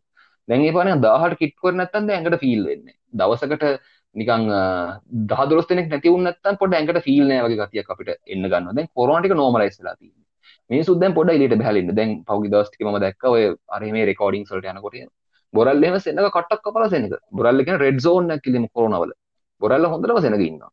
ඔය ගොඩක් ඔය තට්ටු ගණන් තියෙන මේ බොම් ප්‍රසිද්ධ ආයතනයක් තියෙනවා මේ ඇඳුම් කඩයක්. ඇඳුම් සහ ගොඩක් ඒවා තියෙන කඩයක්. කට කපලා සෙනග. පාරේ යද්දි පේනවා මිනිස්සු සෙනග පිරලා ඉන්නවා. මේ මහරගමත් එහෙම සෙනග පිරලා ඉන්නවා. අපි ඒ රිස්ක් එක අරගෙන තියෙන තැනට යන්න. ඒක මිනිස්සු නෝමල් වෙලා තියෙන්නේ. ඒ මිනිස්සු ප්‍රශ්නයක් නෑ. අපි එතනින් ඒක ඒක අතහැරලා දාලා තියෙනවා. අතන්ටත් ගත්තම අපි ඔය අපි මේ තැනියට ඇප්ලයි කරගමුකෝ. ඊයේත් ගිහිල්ලා පොලිමේ ඉන්නවා අතන. ඇයි බෙහෙතක් බලාව අපි විසඳුමක් බලාපොරොත්තු වෙන්නේ. ඒ විසඳුම බලාපොරොත්තු වීම ඇතුලේ තියෙනවා මේ සිස්ටම් එක ඇතුලේ තියෙන අවුල. ඒ කියන්නේ මිනිස්සුන්ට අපි කියන අපි මේ කියන දේවල් මිනිස්සුන්ට අහලා කරලා ඉන්න මිනිස්සුන්ට ආසාවක් නැහැ. ඒ කියන්නේ එතන ඕන එතනක් තියෙන හරි ආත්මාර්ථකාමීත්වයක් තියෙන. හරි ප්‍රශ්නය මම එතනට ගිහින් ඉන්න ඕන. අපි මේ මොකද එතන ඒ කියන්නේ ඒගොල්ලෝ ඇප්ලයි කරන කතන්දරෙත් එක්ක ඒ මිනිස්සු එතනට යන්නේ. ඒ කියන්නේ මේක එක සැරේ බොන්න ඕන. දෙන්න එතකොට ආපහු හැදෙන්නේ නැහැ කියලා කියන්නේ. ඒතකොට මගදී හැදුනත් කමන්නේ නැහැ. ඔතන එකට ඉඳලා හැදුනත් කමන්නේ. එතනට කියලා උගුරක් ගිහුවට පස්සේ ඇඟෙන් ඒක වැනිෂ් වෙලා යනවා. ඒ ඒ බොරුවක් විශ්වාස කරගෙන අපි යනවා. ඒක ඇත්ත බොරු කියන එක අපි තාම හරියට දන්නේ නැහැ. ඉතින් ඕක ඕකත් එක්ක. එතකොට දැන් ඔය වගේ තැනකට මිනිස්සු කොහොම ඒ කියන්නේ ඒක අපි පැණි ඇත්තද බොරුද කියන එක අපි කතාව පැත්තකින් තියමුක් කවිනු. ඔතන ඔය වගේ තැනකට ගිහිල්ලා ඔහොම මිනිස්සුන්ට එකට ඉන්න එපා කියලා ඇමරිකාවෙන් මීටර 6ක ගැප් එකක් තියන්න කියලා තියෙනවා. මීටර 6ක් ගැප් එක තියාගන්න ඕන කියලා කියන මිනිස්සු අත දෙන්නෙක් අතරේ. ටොම් කරූසේම අර බයින එක මේ ඔඩියෝ ක්ලිප් එකක් ඇවිත් තිබුණා මේ මිෂන් ඉම්පොසිබල් එක මැද දෙන්නෙක් ලඟ වෙලා කතා කරන් හිටියයි කියලා. මොන තරම් රිස්ක් එකක්ද මිනිස්සු ගන්න. අනිත් මේ ලෝකේ සියලු හොලිවුඩ් ප්‍රොඩක්ෂන්ස් නැවතිලා තියෙද්දි මිෂන් ඉම්පොසිබල් එක තාම දුවනවා. ඒ මිනිස්සුන්ට මිෂන් ඉම්පොසිබල් එක කට්ටිය මිනිස්සුත් එක්ක ඒ ක්‍රික් මේ ක්‍රූ එක මිනිස්සුත් එක්ක ගැටෙන එක නවත්තන්න ඩොලර් ලක්ෂ 7ක් ගෙවල ඉවරලා ඩොලර් ලක්ෂ 7ක් ඇමරිකන් ඩොලර් US ඩොලර්ස් ලක්ෂ 7ක් 6 ලක්ෂ 80000ක් ගෙවලා ටොම් කරූස් අරන් තියෙන ක්‍රූස් ෂිප් එකක් මේ මුළු ක්‍රූ එකම නැවතිලා ඉන්න. ඒකත් අපි වගේ මේ මේ පොඩි පොඩි ලොකේෂන් වල මේ කරන්නේ රෝම් වල ෂූට් කරනවා. ඉතාලිය කියලා කියන්නේ එහෙම එතනත් මේ කොරෝනා තියෙන නෝර්වේ වල ෂූට් කරනවා. අර එහෙම රට වටේ ලෝකෙ වටේම ෂූට් කරනවා මේ මුළු ෆිල්ම් එකම. ඉතින් අපි වගේ නෙවෙයි දවස් ගාණක් ඉන්නවා මේ ක්‍රූ එක විතරක්. එතකොට ඒ ඔක්කොමත් එක ඒ හැම ප්‍රොටෝකෝල්ස් සිකියුරිටි ප්‍රොටෝකෝල්ස් හරියට තියාගෙන මිනිස්සු ගොඩාක් මහන්සි. ඒ කරලත් පොඩ්ඩක් මිස් වුණොත් හැදුනට පස්සේ මුකුත් කරන්න මුළු ප්‍රොඩක්ෂන් එකම වහන්න වෙනවා. දැන් බැට්මෑන් වගේ ෆිල්ම් එකක් රොබර්ට් පැටින්සන්ට කොවිඩ් පොසිටිව් වුණා. සති දෙකකට ෆිල්ම් එක කැන්සල්. මේ මේ ෂූටින් පෝස්ට්පෝන්. ඒතර ඔය විදිහට ඇදි ඇදි ඇදි ඇදි ගියාම කොච්චර මේ දේවල් නවතිනවද? හොලිවුඩ් හොලිවුඩ් වල එතකොට දැන් මේ පුත් ෆිල්ම්ස් එන්නේ නැහැ. දැන් අද මේ වොන්ඩර් වුමන් එක එළියට දැම්මා. වොන්ඩර් වුමන් එක අද ඊයේ ඊයේ අපිට අපිට 26 පාන්දර එහෙ 26 දවල් එළියට දැම්මා. එතකොට එක මොනතරම් පාඩුවක්ද ඒක. එක දැන් දාලා පැයකින් ඔක්කොටම ටොරන්ට් ඇවිල්ලා තිබුණා ඩවුන්ලෝඩ් කරන්න. ඒක ඔන්ලයින් රිලීස් කරාට. ඇරලා තියෙන හෝල් තින් මේ බැලුවට එක තේරුමන්නේ ඒ ඉන්කම් එක එන්නේ නැහැ දැන්. මොකද අපි ඔක්කොම තව 1080p හොඳ කොපියක් ඩවුන්ලෝඩ් කරන්න තියෙනවා. ඊළඟ අවුරුද්ද දෙන්න තියෙන ෆිල්ම්ස් ඔක්කොම වෝනර් බ්‍රදර්ස්ලා ඔන්ලයින් රිලීස් කරන්න තියෙන්නේ. මේට්‍රික්ස් 4 වගේ ෆිල්ම් එකක්. මේට්‍රික්ස් කියලා කියන්නේ පරම්පරා තුනක් විතර ওই ෆිල්ම් එක බලන්න යනවා දැන් හෝල් එකට ආවනම්. දැන් කොරෝනාත් එක්ක ওই හෝල් එකට ආවේ නැත්තම් ජාතික අපරාධ ඒක ග්ලෝබල් අපරාධයක්.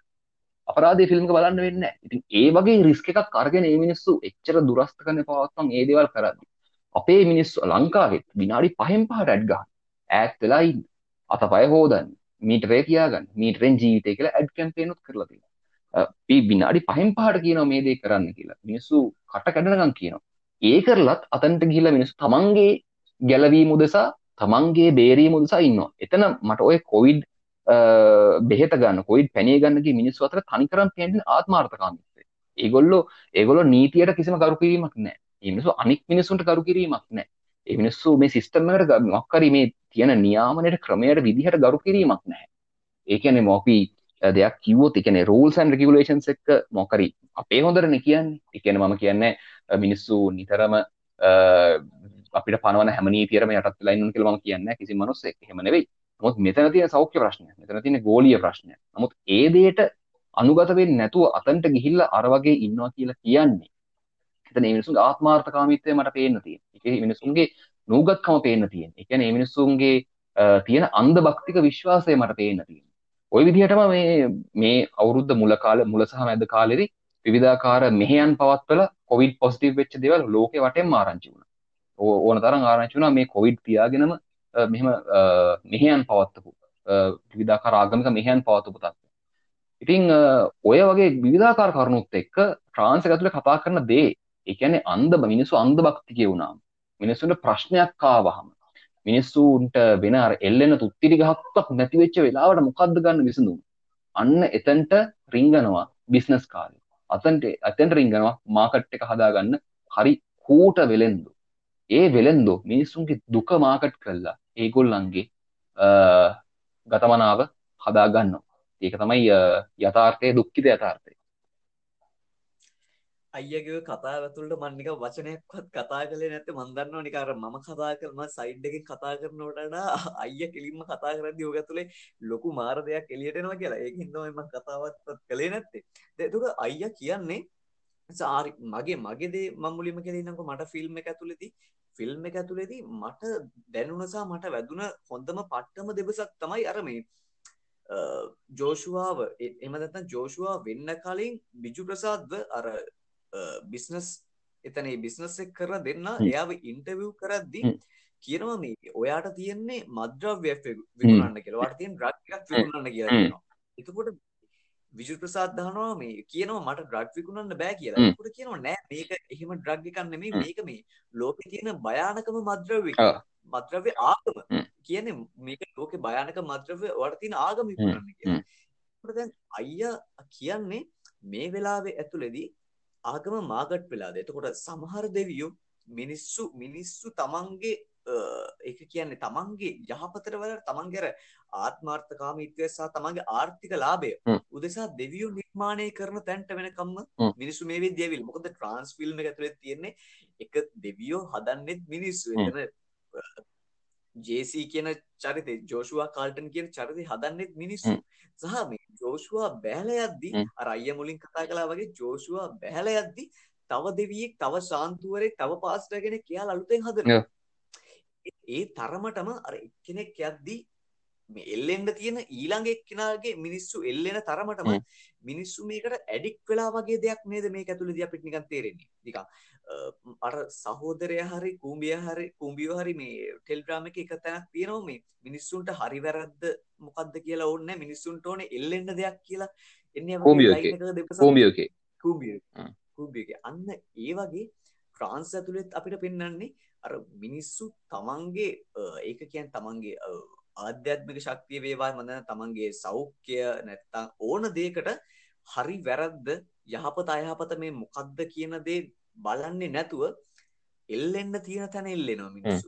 ඒක එහෙම නැත්නම් ලොජිකලි හිතන්නේ නැතුව ආගම ආගම පස්ස යනවට වඩා අර මං කැමති හිතෙන් නිකන් ආගමට ඇබ්බැහි වෙලා කියන දේ වගේ පාවිච්චි කරන්න. ඇත්ත ඇත්ත. එතන ඔව් ඔව් එල්ලිලා මිනිස්සු එතන එල්ලිලා ඉන්නවා. නිකන් ට්‍රාන්ස් එක ඇතුලේ ට්‍රාන්ස් ෆිල්ම් එක ඇතුලේ මට නිකන් තේරෙන්නේ මේ මුළු ෆිල්ම් එකම ඇතුලේ අන්වර් රෂීඩ් කියන්නේත් ඒ ආගමත් එක්ක එල්ලිලා ඉන්න මිනිස්සු ගැන නේද?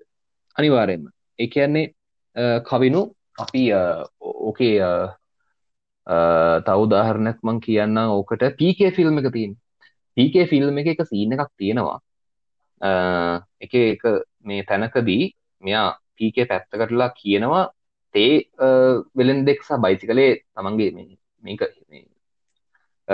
හීටරේ බැඳගෙන තමන්ගේ මේ ගීසර එක බක් හරි එකක් බැඳගෙන තේ ඒන කට්ටියට කැම්පස්සිකිසාට එන ළමයින්ට තේ විකුණන තේ වෙලෙන් දෙක්කි ඊට එහා පැත්තෙම පීකේ ගිහිල්ලා ඔන්න බලන්න මං කරන වැඩේ කියලා.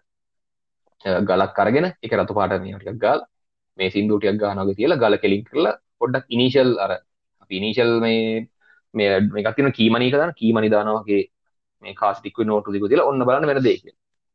ඊට පස්සේ ඒක කාලයක් ඇතුළතදී බිස්නස් දෙක කොහොමද යන්නේ කියන එක තේරෙන්න තියෙනවා. අරක බලාගෙන ඉදී එතන මිනිස්සෙකුත් නැහැ නිකන් ගලක් කෙලින් කරලා පාටක් විතරයි ගාලා තියෙන්නේ සින්දු ටිකක් විතරයි ගාලා තියෙන්නේ. මරතොන් ටිකක් ගාලා වගේ. මේ ඔය ටිකක් කොහේ ඇප්ලයි කරලා තියෙනවා. දැක්කම් එන කට්ටිය ඇවිල්ලා අනේ මම කොහොමද පාස් කරලා දෙන්නේ. අට මේක කරලා දෙන්න මේක කරලා දෙන්න කියලා ඔක්කොම ඇවිල්ලා තමන් එතන කරදි බලාගෙන ඉද්දි එතන බිස්නස් කාරයෙකුත් එතන වෙලෙන්දෙකුත් නෑ. නිකන් ගලක් කෙලින් කරලා විතරයි තියෙන්නේ. බලාගෙන ඉද්දි එතන සල්ලි ටික වැඩි වෙනවා. අර මිනිස්සයා අවුවේ කට්ට කාගෙන ගෙදරින් දැන් ඔක්කොම ඔය පිටිසීනි ඔක්කොම ගෙනලා තේ හදාගෙන මහන්සිලා දවසක් තිස්සේ බයිසිකලේ කෙලින් කරන් ඉඳලා. එතන ඔය කට්ටක් කාලා හම්බ කරන දෙයට වඩා. ඒ හම්බ කරන සොච්චමට වඩා දෙයක් අතර නිකන් අර හැපත නිකන් කෙලින් කරලා දෙන ගල හම්බ කරන එතන තියෙන්නේ අපි හැමෝටම දෙන ප්‍රශ්නත් එක්ක දැන් හිතන්න. එක ඇබ්බැහියක් තමයි ඇත්තරම තියෙන්නේ. අපි හැමෝටම පන්සල මතක් වෙන්නේ කොයි වෙලාවටද? අපි හැමෝටම පල්ලිය මතක් වෙන්නේ කොයි වෙලාවටද? අපි හැමෝටම කෝවිල මතක් වෙන්නේ කොයි වෙලාවටද? විභාගයක් ලඟ වුණා අනිවාර්යෙන් මම මම නුවර මංගේ ඉස්කෝලේ ගිය නුවර ඕලෙවල් පටන් ගන්න සඳුදාවට කලින් සතිය සෙනසුරාදාව කියලා කියන්නේ මාලිගාවට ඇඟිල්ලක් ගහන්න ඉන්නේ නැහැ. පාන්දර 5 ඉඳලා පාන්දර 4 ඉඳලා මිනිස්සු පොලිමේ ඉන්නේ. ඇඟිල්ලක් ගහන්න ඉන්නේ නැහැ. පුදු ගියොත් එහෙම ඉවරයි. අයි කෙලින්ම බ්ලොක්. ඔයාලා පැය ගණන් හිටන් ඉන්නේ. ඒ තරම් සෙනගෙනවා. ඒතකොට දැන් මේ මාලිගාව කොහෙවත් කවුරුත් උස්සන් යන්නේ නැහැ. මාලිගාව තියෙන තැන දල්දා මාලිගාව තියෙන තැනම තියෙන්නේ. ඔතන නුවර මිනිස්සු උදේ හවස උතනින් එහෙ මෙහෙ ඇවිදිනවා. අපි අනිත් දවස් වලට දල්දා මාලිගාවට දක්වන එකම ගෞරවය ඔතන ඉස්සරහින් යද්දි සීට් එකකින් ඉස්සෙල්ලා පොඩ් පස්ස උසලි කරලා එච්චරයි කරන්නේ. යන ගමම පස්ස උසන විතරයි කරන්නේ. වැවරව මේ අද්දි හරි ක්වීන්ස් එක ඉස්සරහ පහුවෙද්දි හරි පස්ස උසනවා. ඕක තමයි අපි මාලිගාවට දෙන ගෞරවය. පස්ස ඉස්සීන විතරයි. ඒතකොට විභාගය තමයි මතක් වෙන්නේ අනේ ගිහිල්ලා මාව පාස් කරලා දෙන්න ඔක්කොම කරන්නේ කියලා. අපි බෝධියකට ගිහිල්ලා ඉවරලා අපි මේ පැන් කලයක් දාන්න බෝධිය පඳුරු ගැට ගන්න ඔක්කොම මතක් වෙන්නේ කොයි වෙලාවටද? අපිට මතක් වෙන්නේ විභාගයක් ලඟ වුණා. ඒතකොට මොකක්ද ප්‍රශ්නයක් ආවා. මොකක් හරි ලෝන් එකක් පාස් කරගන්න අවශ්‍යයි නේ. තමන්ගේ මොකක් හරි අපල උපද්‍රවයක්. ඒතකොට තමයි පන්සල මතක් වෙන්නේ. අනිත් දවස්වල පන්සලක් වගේ වගන්නේ. මිනිස්සු දන්නේ නැහැ.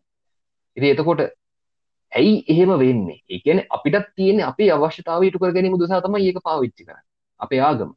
අපේ අවශ්‍යතාවය ඉටු කර ගැනීම උදෙසා අපි මේ ආගමික මේ දර්ශනය ඔස්සේ හැදිච්ච දර්ශනය ඔස්සේ හැදිච්ච ආගම පාවිච්චි කරනවා. ඒකට බිස්නස් කාඩ් එකක් මදිහත් වෙලා ඇවිල්ලා ඒගොල්ලන්ගේ ගාන කපාගෙන ඒගොල්ලන් තමන්ගේ බිස්නස් එක කරගෙන ජීවිතේ ගොඩ දාගන්න.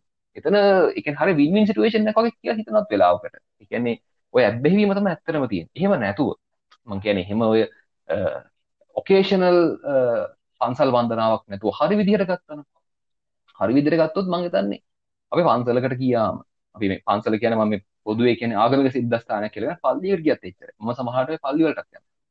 පල්ලියකට ගියාම ඒ නිස්කලංක මොහොතක් තියෙනවනේ අපිට. ඒ නිස්කලංක මොහොතට අපි ඒලා හරියට අපි අර මේ ෂවර් එකක් අරගෙන අපි නාන වෙලාව වගේ. ඒ වෙලාවට අපි මුකුත් හිතන්නේ නැහැ.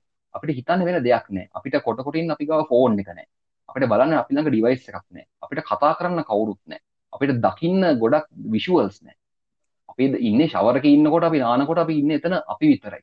මම ෂවර් එක ටැප් එක බාල් දිසා ඔය සබන් ඔය සෙට් එක ඔය ඔය මේ වොෂ්රූම් එක්විප්මන්ට් එක මම විතරයි.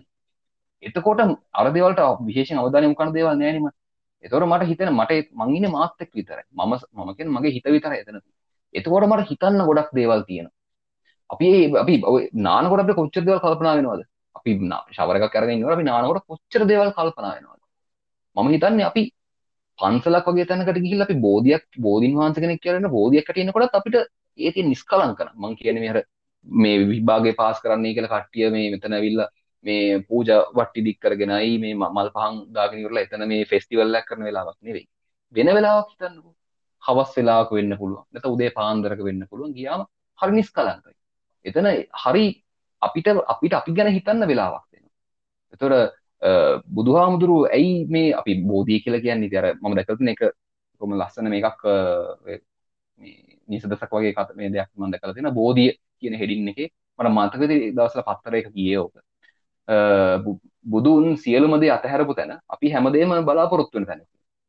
ඉතින් බුදුහාමුදුරුව මේ මේ අපි සිදුවත් බෝසතාණෝ සියලු දේ අතහැරලා තමයි ඇසතු බෝරුකයට වාඩි වෙන්නේ. මේ තමන්ගේ විමුක්තිය හොයාගෙන යන්නේ. අපි ඒ අත්තක් මෙහි ගෙනාවල කල කරගෙන අපි ඊට පස්සේ ඒක එක જાති අතු දැන් ෆිට කරගෙන ඊට පස්සේ අපි කරන්නේ අපිට මේ මේ දේවල් දෙන්නේ කියලා අපි සිතුවපතු සම්පත් බලාපොරොත්තු වෙනවා. ඒතකොට මේ දේවල් ඇයි එහෙම සිද්ධ වෙන්නේ? ඒ කියන්නේ අපි යථාර්ථය අවබෝධ කරගෙන නැහැ. අපි අරකට ඇබ්බැහි වෙලා තියෙන්නේ. අපි හැදෙන විදිහත් එක්ක ඒ දෙයට ඇබ්බැහි වෙලා තියෙන්නේ. අපිට පුළුවන් නම් පන්සල කියන එක වෙන විදිහට ඇප්ලයි කරන්න. ඒ කියන්නේ පන්සල කියන එක අපේ අර අපේ කප්පරුකක් කරගන්න බෝධිය කියන කප්පරුකක් කරගන්නතෝ බෝධිය අපේ අපේ සෙල්ෆ් ගයිඩන්ස් එක හදාගන්න තැන කරන්න. අපේ අපිට අපි අපිවම් ප්‍රශ්න කරන තැන විදියට පවත්ව ගන්න. ඇයි අපි ඇයි ඒ ඒ තැනට අපි බෝධිය පාවිච්චි කරගන්න ඇත්තේ? එතනට කියලා අපි කල්පනා කරන්න ඇත්තේ මොනවද? අපි අපේම වැරදි අපි පිළි අරගෙන. මොකද්ද මම මේ මේ දවස් ටික මම කරේ මොනවද? ඕම වැරදි වැඩක් කරා. ඕම මන් මනුස්සෙන්ට කැපිල්ලක් දැම්මේ. ඒ මනුස්සයට ඕ මං මේ එයාව ඒ කියන්නේ නොකළ යුතු දෙයක් මං කරා. ඒක මං වැරදි කරපු දෙයක්. ඒතර අනිත් කවුරු කවුරු කෙනෙක් මට කරා නම් ඔව් මට එයා මේ දේ කරා. ඒක හැවන්නේ ඒක මං ඉතර වෛර කරන්නේ ඔය ඔය වගේ ඔය විදිහට අපිට පුළුවන් නම් මේ බෝධිය පාවිච්චි කරන්න. ඔය විදිහට පුළුවන් නම් පල්ලිය පාවිච්චි කරන්න. මං කියන්නේ අර පාපොච්චාරණය කිරීම නෙවෙයි. පාපොච්චාරණය කිරීම කියන එක එතනට ගිහිල්ලා අපි පාපොච්ච කොන්ෆෙෂන් රූම් එකට ගිහිල්ලා ඒ බූත් එකට ගිහින් නැතුව එතනට ගිහලා අපි සෙල්ෆ් අපි මේ අපි ස්වයං එක්සැමිනේෂන් එකක් කරනවා ඒ වගේ දෙයකට අපිට අපිට ආගම පාවිච්චි කරන්න බැරි. ඒ වගේ දෙයකට අයි අපිට දර්ශනය පාවිච්චි කරන්න බැරි. ඇයි ඒක අපි මේ තවත් බිස්නස් කාරයෙක් මැදිහත් වෙලා අපේ මේ ගාන විදගෙන තැන්ටම අපි ඒකරම් බලාගෙන ඉන්නේ. ඒ දේවල් ඒක කරන එක මං කියන්නේ ඒක සම්පූර්ණයෙන්ම අත්තර දාන කියන එක නෙවෙයි. ඒ කියන්නේ විවිධාකාර මිනිස්සු විශ්වාස තියෙන්න පුළුවන්. මේවා කොහොම සමහරට කේන්ති යනන්න පුළුවන් සමහර කට්ටියට. මම ඇයි ඒකට ඇබ්බැහි වෙන්නේ? අපි සංස්කෘතියට ගරු කරා සංස්කෘතික කාරණාව වෙන්න පුළුවන් ඒ තියෙන දේවල් ගරු කරන්න ඕන. මං කියන්නේ අපි මේ හිටින්නම් මේ බෝධි කපලා දාන්නවත් ඒ පල්ලි කුඩු කරන්නවත් ඔය කතන්දර නෙවෙයි මෙතන තියෙන්නේ තියෙන ඒ තියෙන දේවල් අපි ඇප්ලයි කරගෙන තියෙන විදිහේ වැරද්ද ඒක ඇප්ලයි කරගෙන තියෙන වැරද්ද මොකද්ද වෙලා තියෙන්නේ අපි හැම ඒ කාලාන්තරයත් අපිට හම්බ වෙච්ච අපිට ලැබිච්ච ගුරුහරුකම් එක්ක අපි ඒක ඉස්සරහට ගෙනියන තත්ත්වය අපි දේවල් ප්‍රශ්න කරන්නේ නැහැ ගොඩක් වෙලාවට අපි ඇයි කියලා ප්‍රශ්න කරන්නේ නැහැ ඒක හරිනම් ප්‍රශ්න කිරීම සිද්ධ වෙන්න ඕන ලංකා විශ්වවිද්‍යාල අධ්‍යාපන ක්‍රමය ඇතුලේ නමුත් අද වෙනකොට විශ්වවිද්‍යාලය කියලා ප්‍රශ්න කරන තැනක් නෙවෙයි විශ්වවිද්‍යාලයක් කියලා කියන්නේ මනුස්සයට රස්සාවක් ගන්න අවශ්‍ය සුදුසුකම දෙන තැනක් කියලා. අපි මිනිස්සු කැම්පස් යන්නේ ඉගෙන ගන්න තියෙන ආසාවට නෙවෙයි. අපි කැම්පස් යන්නේ ජොබ් එකක් ගොඩ දා ගන්න තියෙන ආසාවට. හරි හැමෝම ජොබ් එකක් කරලා සමාජයේ ඉන්න තියෙන අවශ්‍යතාවට තමයි කැම්පස් යන්නේ. ඉගෙන ගන්න ආසාවට නෙවෙයි. ලංකාවේ අති බහුතරයක් දෙනා ඉගෙන ගන්න ආසාවට නෙවෙයි. ඇයි අපිට ඒක ඒක එහෙම වෙන්නේ නැතුව අපි ඒක ප්‍රශ්න ගන්න තැනට ගියා නම් මේ දේ මෙහෙම වෙන්නේ නැහැ. අපි ඉස්කෝල කාලේ අපි අතාරින්කෝ ඉස්කෝල කාලේදී අපි උඹලා තාම පොඩි ආරාමයක කියලා ඒ කියන්නේ තරවටු හම්බ වෙනවා කියලා කියමුකෝ. ඒවා ගැටලුවකුත් නැහැ. විශ්වවිද්‍යාලය කියලා කියන්නේ සීමා මානෙන් තියෙන තැනක් නෙවෙයි. විශ්වවිද්‍යාලය කියලා කියන්නේ විශ්වයට විවෘත වෙච්ච තැනක්. හැම කෙනෙක්ම මුහු වෙන තැනක්. විශ්වවිද්‍යාල ගේට්ටු දැන් වහගෙන තියෙන මම කියන විශ්වවිද්‍යාල ගේට්ටු හැමෝටම ඇරෙන්න ඕන. හැම කෙනෙක්ටම ඇවිල්ලා මුහු වෙන්න තියෙන්න ඕන. හැම කෙනෙක්ටම ඇවිල්ලා දේවල් ප්‍රශ්න කරන්න පුළුවන්කම තියෙන්න ඕන. එතකොට අයියේ ඒ සංවාදය ඔස්සේ තමයි ඉස්සරහට යන්නේ. අපි දේවල් එක මුහු වෙනකොට අපි දෙයක් ප්‍රශ්න කරනකොට තමයි ඉස්සරහට යන්නේ. බෙන්ස් එක විතරක් තිබුණා නම් කවදාවත් කාර් කියන එක දියුණු වෙන්නේ නැහැ. BMW එක කාපු හින්දා බෙන්ස් එක හිතන්නේ ආ BMW එකලෙකුත් තියෙනවා. අපි එහෙනම් මොකද මෙතනින් එහාට අපි කාර් කම්පැනියක් විදියට කරන්න ඕන. ඒ කම්පිටිෂන් එක අවශ්‍යයි. Apple එක හැමදාම Samsung විතරක් තිබ්බනම් Apple එක ආවේ නැත්නම් Samsung එක තියෙන විදිහටම තියෙවි. Samsung කියන්නේ ඉස්සර ගණන් ගත්තේ නැති ෆෝන් එකක්. අපි Nokia තමයි ඉස්සර ඩොමිනේට් කරලා තිබුණේ. නමුත් කට්ටිය ඒ පස්සේ Apple එක ආවත් එක්ක Apple එක නවත් එක්ක අනිත් කට්ටියත් තම තම මොනවද කරන්න කියලා. පැත්තක තිබිච්ච Samsung එක. ඊට පස්සේ ඉතාම ඉහළ තත්ත්වයකට දැන් Apple එකයි Samsung එකයි හොඳ ෆයිට් එකක් දෙනවා. ඒවතොර ඒවගොල්ලෝ විතරක් ඉස්සරහින් ඉන්න අවශ්‍ය නැහැ. අපිත් මොකක් කර දෙයක් කරන්න ඕන කියලා. ඒතොර Xiaomi වගේ කට්ටිය එනවා. OnePlus වගේ කට්ටිය එනවා. දැන් බලන්න මොබයිල් ෆෝන් එක කියන කොච්චර ඉස්සරහට ඇවිත් තියෙනවද කියලා බලන්නකෝ. අපි ඉස්සර තිබිච්ච අර ගඩොල් භාගේ ෆෝන් එකද. ඔයයි මමයි මේ කතා කරන ඩිවයිස් දෙකකින්. මම මේ මම ෆෝන් එකක් තියාගෙන ඉන්නේ. ඔයා මේ ලංකාවේ තවත් කෙලවරක ඉඳන් ෆෝන් එකක් තියන් ඉන්නේ. නමුත් අපි දෙන්න එක වෙලාවෙ මේ කතා කරනවා. ඒක රෙකෝඩ් වෙනවා. අපි රෙකෝඩ් වෙන එක ලෝකෙ වටේම ඉන්න හැම කෙනෙක්ම අහන්න පුළුවන් තත්ත්වයක් තියෙනවා. මේ තරම් දියුණුනේ ඇයි? ඒක අපි ප්‍රශ්න කරපු ඉඳ මිනිස්සු. ඇයි ග්‍රහැම්බෙල්ගේ හෙලෝ කියන්න පුළුවන් ෆෝන් එක විතරක් තියාගෙන? එතන හිටියා නම් අපිට අද මේ මුළු ලෝකයම අපේ අලුරට කියන ෆෝන් එකේ නෑනේ. අපි දේවල් ප්‍රශ්න කරන්නේ. අපි දේවල් සැටිස්ෆයි වෙලා එතනින් අපි ඇවිල්ලා ඉන්නවා. ඔය බුදුදහමේ ලද්දීන් සතුරු වෙන්න කියන එක අපි ඇප්ලයි කරන් තියෙන හරිම වැරදි විදිහට. ලද්දීන් සතුරු වෙන්න කියලා කියන්නේ මට මේ තියෙන දෙයක් එක්ක හරි එහෙම ප්‍රශ්නයක් මේ අපි තියෙන දේ මේ ඉන්න කියන එක නෙවෙයි. අපි මේ අඩිය හුරන් කාලා ඉන්න කියන එක නෙවෙයි. නමුත් ඒක අපි ඇප්ලයි කරගෙන තියෙන විදිහ වැරද්දක් තියෙනවා. ඒ ඇයි අපිට ආපු ටීචින් එකේ වැරද්ද. අපිට ආපු ඒ ගුරුහරුකම් වල වැරද්ද සහ අපි ප්‍රශ්න කරන්න පෙළඹිලා නැහැ. අපි ප්‍රශ්න කරන්න යන්නේ නැහැ. මං කියන්නේ අපි විශ්වවිද්‍යාල වලින් වෙනත් පුළුවන් ඉස්කෝලේ කාලේ 1 1 2 කියලා ඉගෙන ගත්තා නම් කැම්පස් එකට ආවට පස්සේ ඇයි 1 1 2 වෙන්නේ කියලා එක අහන්න. 1 1 11 වෙන්න බැරිද? 1 1 25 වෙන්න බැරිද? එහෙම දැම්මොත් අවුල්ද? අපි ඔක ප්‍රශ්න කරන්නේ ඒ වගේ මම හිතන්නේ මේ ආගමික කාරණා එකක් තියෙන්නේ අපි මේ ආපු දේවල් එක්ක අපි ඒ දේවල් හරියට ප්‍රශ්න කරලා අපි හරි දේ හොයාගන්නේ නැහැ. හරි දේ හරි කෝ එක අපි වටහා ගන්නේ නැහැ. ඒක තමයි ගොඩක් වෙලා ප්‍රශ්න තියෙන්නේ අපි මේ ආගම ඇතුලේ ගොඩක් සාහිත්‍යමය කාරණා සහ මේ ලස්සන සිද්ධිත් එක්ක තමයි අපි ගොඩක් ඉන්නේ. මම හිතන්නේ ඔය ඔක්කොම ලස්සන කාරණා ටික අතහැරලා දාලා ගත්තාම අපි කියමු බෞද්ධාගම කියලා ගමුකෝ. එතකොට බුදුහාමුදුරුවෝ යමා මහ පෙළහර පෑවද? එතකොට ගිහිල්ලා මේ ඉර්ධි ප්‍රාතිහාර පෑවද? අහසින් වැඩියද? මුගලන් හාමුදුරුවෝ පොඩි කැවුම් ගුලි මහා කැවුම් ගෙඩි කරාද විශ්වයේ කෙලවර හොයන එක ඔය කතන්දර ඔක්කොම ටික අමතක කරලා දාලා ඔය තියෙන ලස්සන ලස්සන ඔය සාහිත්‍ය මේ අංග ටික ඔක්කොම කඩලා කරලා ඉවරලා ඔක්කොම කරලා ආවට පස්සේ ඒ ටික ගසලා කරලා ගත්තාම ඉන්නවා අපිට හම්බ වෙන එක තරුණෙක් අපිට හම්බ වෙන එක එක්තරා තරුණෙක් හම්බ වෙනවා ඔය මම කියන්නේ සියලු ටික. ඔය නෙළුම් මල්ලුඩින් කියාද? ඒ කතන්දර ඔක්කොම ටික අමතක කරනවා. සරලව ගත්තම ඔය කතාව තියෙන බුදු මේ මේ බෝධිසත්ව කතාවේ තියෙන්නේ ළමයෙක් ඉපදෙනවා. ඒ ළමයා වැඩෙනවා. වැඩිලා ඉවරලා එක වයසකට ආවට පස්සේ විවාහපත් වෙලා ඔහොම ජීවිතේ යනකොට. එක තැනකදී තේරෙනවා මේක සෙට් නෑ. මේක හරියන්නේ නෑ මේ වැඩේ. මේ අපි මිනිස්සු ඉන්නවා. මේ ඒක අර ඒක පුළුවන් තරම් ඒගොල්ලෝ හම්බෙන එකක් නවත්තන්න තිබුණා. පස්සේ එක තැනකදී දකින්න.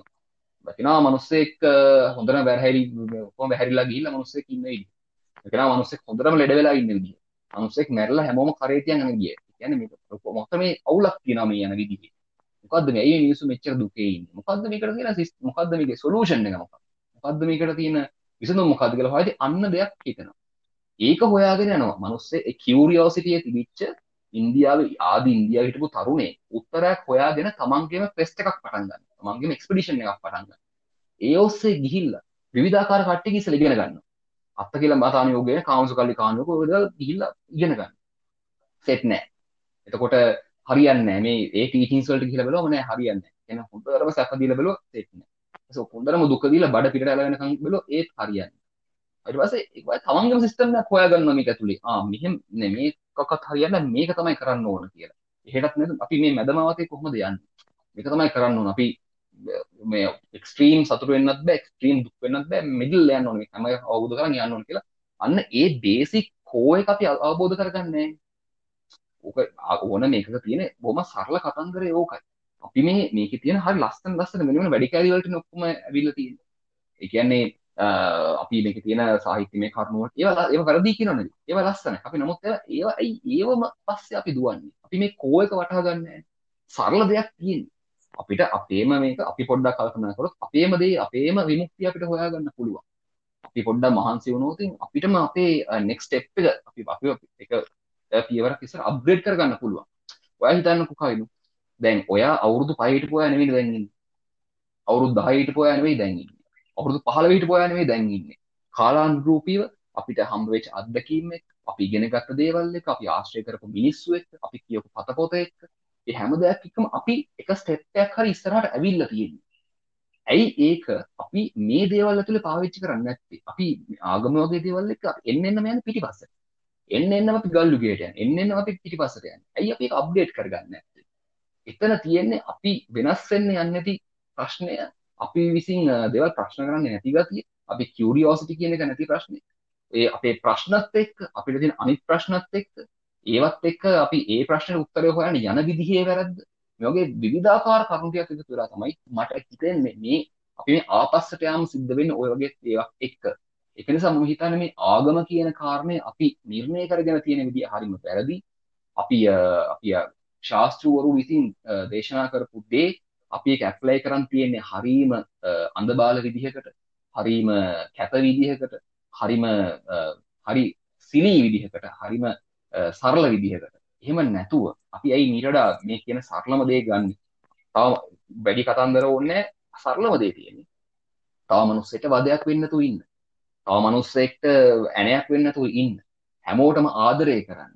මිනිසුන්ට බොරු කරන්න එපා. මිනිස්සුන්ට වෛර කරන්න එපා මිනිස්සුන්ව මරන්න එපා ඇයි අපි බොහොම තමන්ගේ තම අනිත් තමන් වෙන මනුස්සේ තමන්ට කරන දේ සෙට් නැත්තම් ඒ දේ තමන්ගෙන් අනිත් නැත්නම් සිද්ධ වෙන කියන්න එපා. තමන්ට පිටින් වෙන සිද්ධ වෙන කරදරයක් මොකක් කියනවා නම් ඒ දේ කැමති නැත්නම් ඒ දේ තමන් විසින් වෙන කෙනෙක්ට කරන්න එපා. අසල්වැසියාට ප්‍රේම කරන්න. සැමට මෛත්‍රී කරන්න. ඒ ඔය වගේ ඕකනේ තියෙන්නේ. අපි ඔය ඔය කෝයක චතුරාර්ය සත්‍ය කියලා කියන්නේ ඒක. ඒතකොට අපි 10 commands 10 commandments කියලා දැම්ම දසපනත කියලා තිබ්බත් ඔය වගේ අපි පන්සිල් කියලා දැම්මත් අටසිල් කියලා දැම්මත් ඔය වගේ ලේබල් කරලා තියෙනකොට දවස් අන්තිමේදී කියන්නේ කොහොම සාර්ථක ජීවියෙක් විදියට ඉන්න අනිතර වදයක් වෙන්නේ නැණයක් වෙන්නේ නැතුව. ඕක නිර්ණය කරගන්න පුළුවන් නම් අපිට මහලුකුවට මේ ගිහිල්ලා මේ දිනපතා පන්සල් ගිහිල්ලවත් හැමදාම හවසයට පහන පත්තු කරනවත් ඒම ඔය මේ පූජවට්ටි උසගෙන දේවාල ගානයන්වත් ඔය දේවල් කරන්න අවශ්‍ය වෙන්නේ නැහැ. ඕක තේරුම් ගන්න බැරි නිසා තමයි අපිට මේ වගේ දේවල් සිද්ධ වෙලා තියෙන්නේ. ප්‍රශ්න නොකරන මිනිස්සු ප්‍රශ්න නොකරන තාක්කල් ඒ මිනිස්සුම කන්ට්‍රෝල් කරන්න ලේසි. ප්‍රශ්න කරන්න නැත්නම් ඒ මිනිස්සු කන්ට්‍රෝල් කරන්න ලේසි. එතකොට මේ මිනිස්සු කෙන්ද අහගෙන ඉන්නවනේ. එතකොට ඒක නිසා මේ වගේ දේවල් තියෙන එක එක්තරා විදිහකින් එක්තරා පාර්ශවයක විවි එක පැත්තක් විතර නෙවෙයි මං කියන්නේ විවිධාකාර ලෙවල්ස් වලට මිනිස්සුන්ට ගොඩක් වාසි මේ විදිහේ මිත්‍යා වගේ දේවල් එක මිනිස්සු ඉන්නකොට එතකොට එතනින් එහාට මිනිස්සු එන්නේ නැහැ. එතනින් ඒක ලෙවල් එකකින් එහාට මිනිස්සු වැට පැනලා ඒගොල්ලන් ඉන්න තැනට එන්නේ නැහැ. ඒ ගැප් එක නිතරම මේන්ටේන් වෙනවා. ඒක නිසා මේ වගේ දේවල් වලට ගොඩක් වෙලාවට ඉහළ බලය තියෙන මිනිස්සුන්ගෙන් වෙන්න පුළුවන්. ඉහළ බලය තියෙන මාධ්‍ය පැති වලින් වෙන්න පුළුවන්. මේවට ලොකු ලොකු ඉඩක් ලැබෙනවා. මේවට ලොකු ප්‍රචාරණයක් ලැබෙනවා. එකෙන් අපි කාලානුරූපීව ගත්තාම මිනිස්සුන් ලොකු හානියක් සිද්ධ වෙන්නේ. ඉස්සර මිනිස්සු මෙච්චරටම මේ ජ්‍යෝතිෂය කියන දේවල් වලට මෙච්චරටම මේ අත්බැහි වෙලා හිටියේ නැහැ.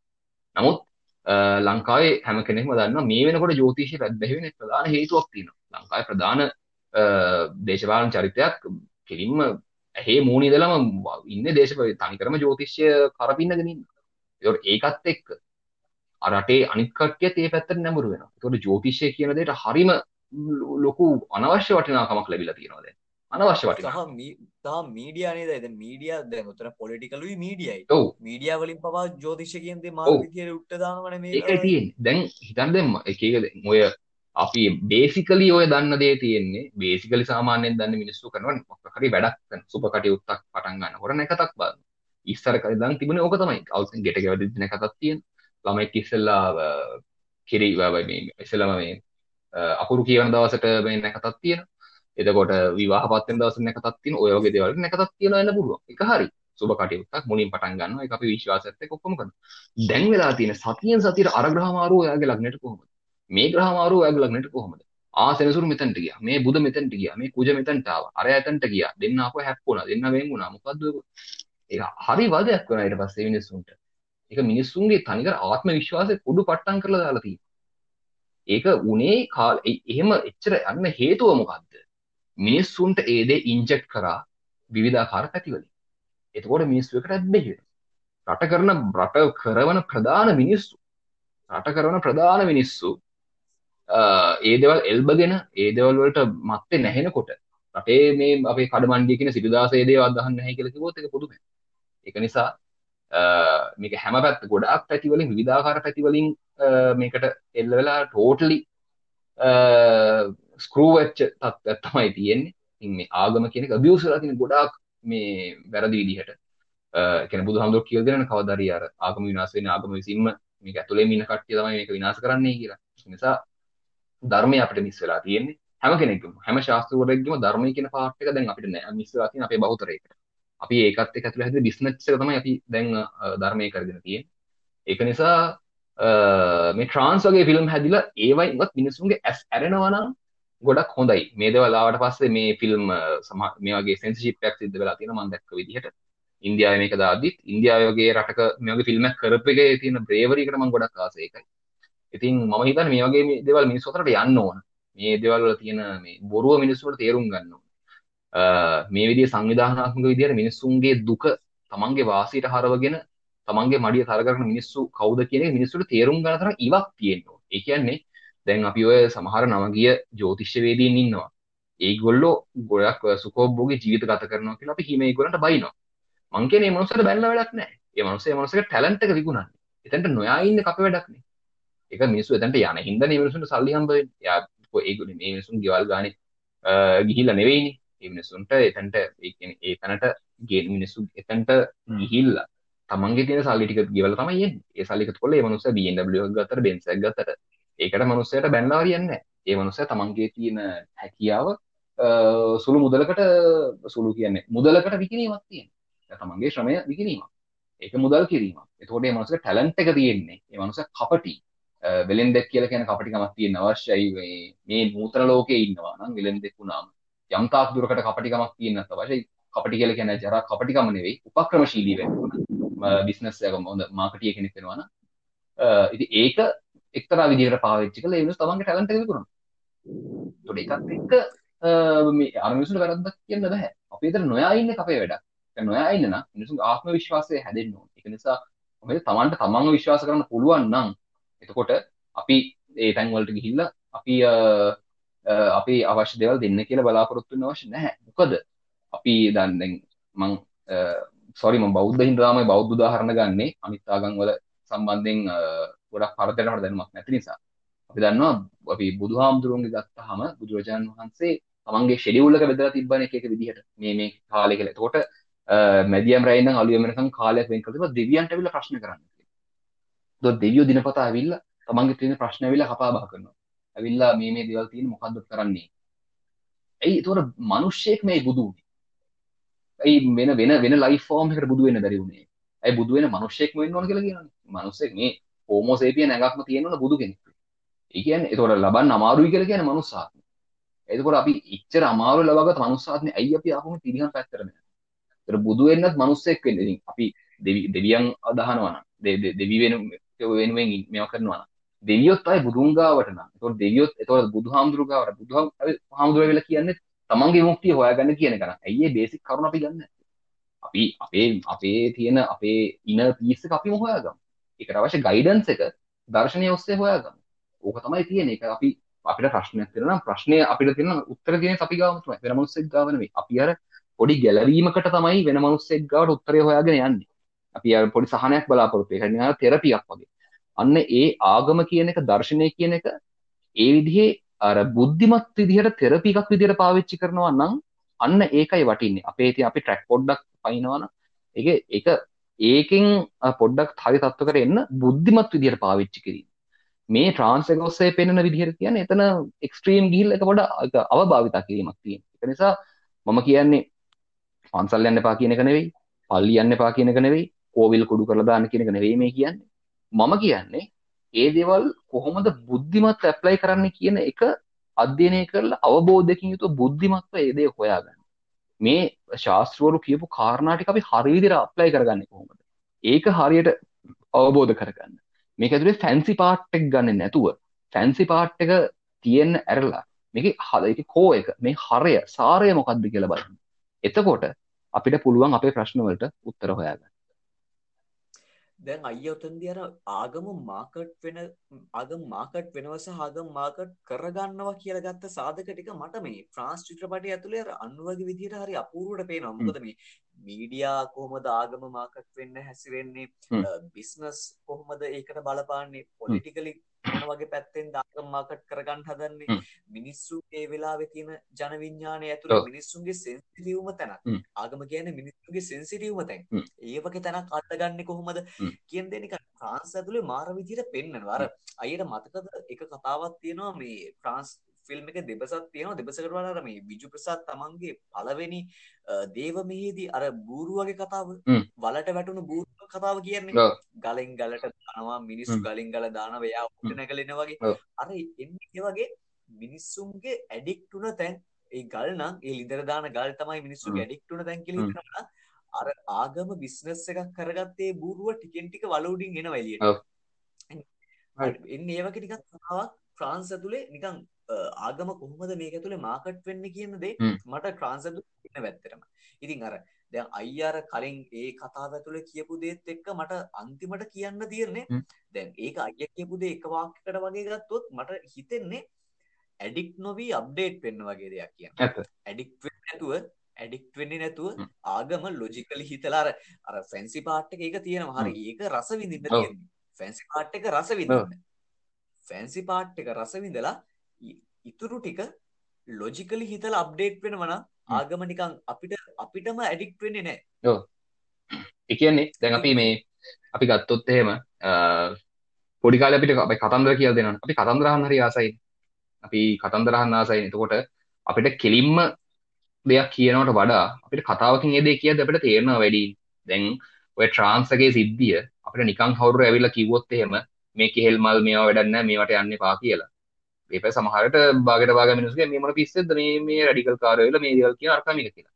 නමුත් මේක මේ නිර්මාණය ඔස්සේ පෙන්නද්දි මිනිස්සුන්ට දැනෙනවා වැඩි අර පෙනිස් මයිටිය දන සෝට් කියන වගේ සිද්ධියක් තියෙන්නේ. මිනිස්සෙක් අර සාමාන්‍ය දෙයක් අර ලිඛිත දෙයක් ලිඛිතව මොකක් හරි පහරක් ගිහුවම ඔය ජනමාධ්‍යවේදීන් කිව්වොත් එහෙම අපි ජනමාධ්‍යවේදී ලිඛිතව කියන දේ රිදෙනවා වැඩි. ගොඩක් ඔය පුවත්පත් කලාවේදීන්ට ජීවිතේ පවා අතාරෙන සිද්ධ වුණ ප්‍රශ්න හින්දා. ඒ දෙයක් ලියලා කියනකොට පොඩ්ඩක් දෙයක් මේ දැනෙනවා වැඩි. ඒ ඔස්සේ නිර්මාණ තහනමට ලක් වෙන්නේ. අන්නේ හේතුව හින්දා. ඒ වගේ නිර්මාණයක් ඔස්සේ දේවල් කියද්දි නිර්මාණාත්මකව ඉදිරිපත් කරද්දි ඒවත් දැනෙනවා වැඩි. මිනිස්සුන්ට හොඳ මෙසේජ් එකක් යවන්න පුළුවන්. සිනමාව කියන එක කලාව කියන එක මිනිස්සුන්ට මෙසේජ් එකක් යවන්න හොඳ ටූල් එකක් විදිහට පාවිච්චි කරන්න පුළුවන්. මේ ටූල්ස් කරන මේ දවස්වල ගොඩක් කතා වෙනවා ලොකුම තැන ඉඳලා පොඩි තැන වෙනකන්. ඉතින් ඔය ටූල් එකක් විදිහට මිනිස්සුන්ට හරියට කොනිත්තන්න පුළුවන්. හරිම නිලයට කොනිත්තන්න පුළුවන් ටූල් එකක් විදිහට සිනමාව පාවිච්චි කරපුවම සාර්ථක තමයි ට්‍රාන්ස් කියලා කියන්නේ. ඒක නිසා තමයි මේකට ගොඩක් හොඳ ෆොලොවින් එකක් සහ මේකට හොඳ ඉල්ලුමක් ආයේ මේ කතාවට. ඉතින් අර කිව්වත් වගේ අපි අර ඒ දේවල් එක්ක කොහොමද අපි අපේ ජීවිතය ඇප්ලයි කරගන්නේ එතකොට අර කිව්වත් වගේ අර අපි ඔය බූරුවයි කතාව කිව්වෝගේ කොහොම දේදේවල් මේ කතාව තුළ ලස්සන්ට ප්ලේස් කරලා තියෙන. මේ සමාජය තුළ තියෙන දේවල්ම. ඔය වීඩියෝස් අපි දැකලා තියෙනවා.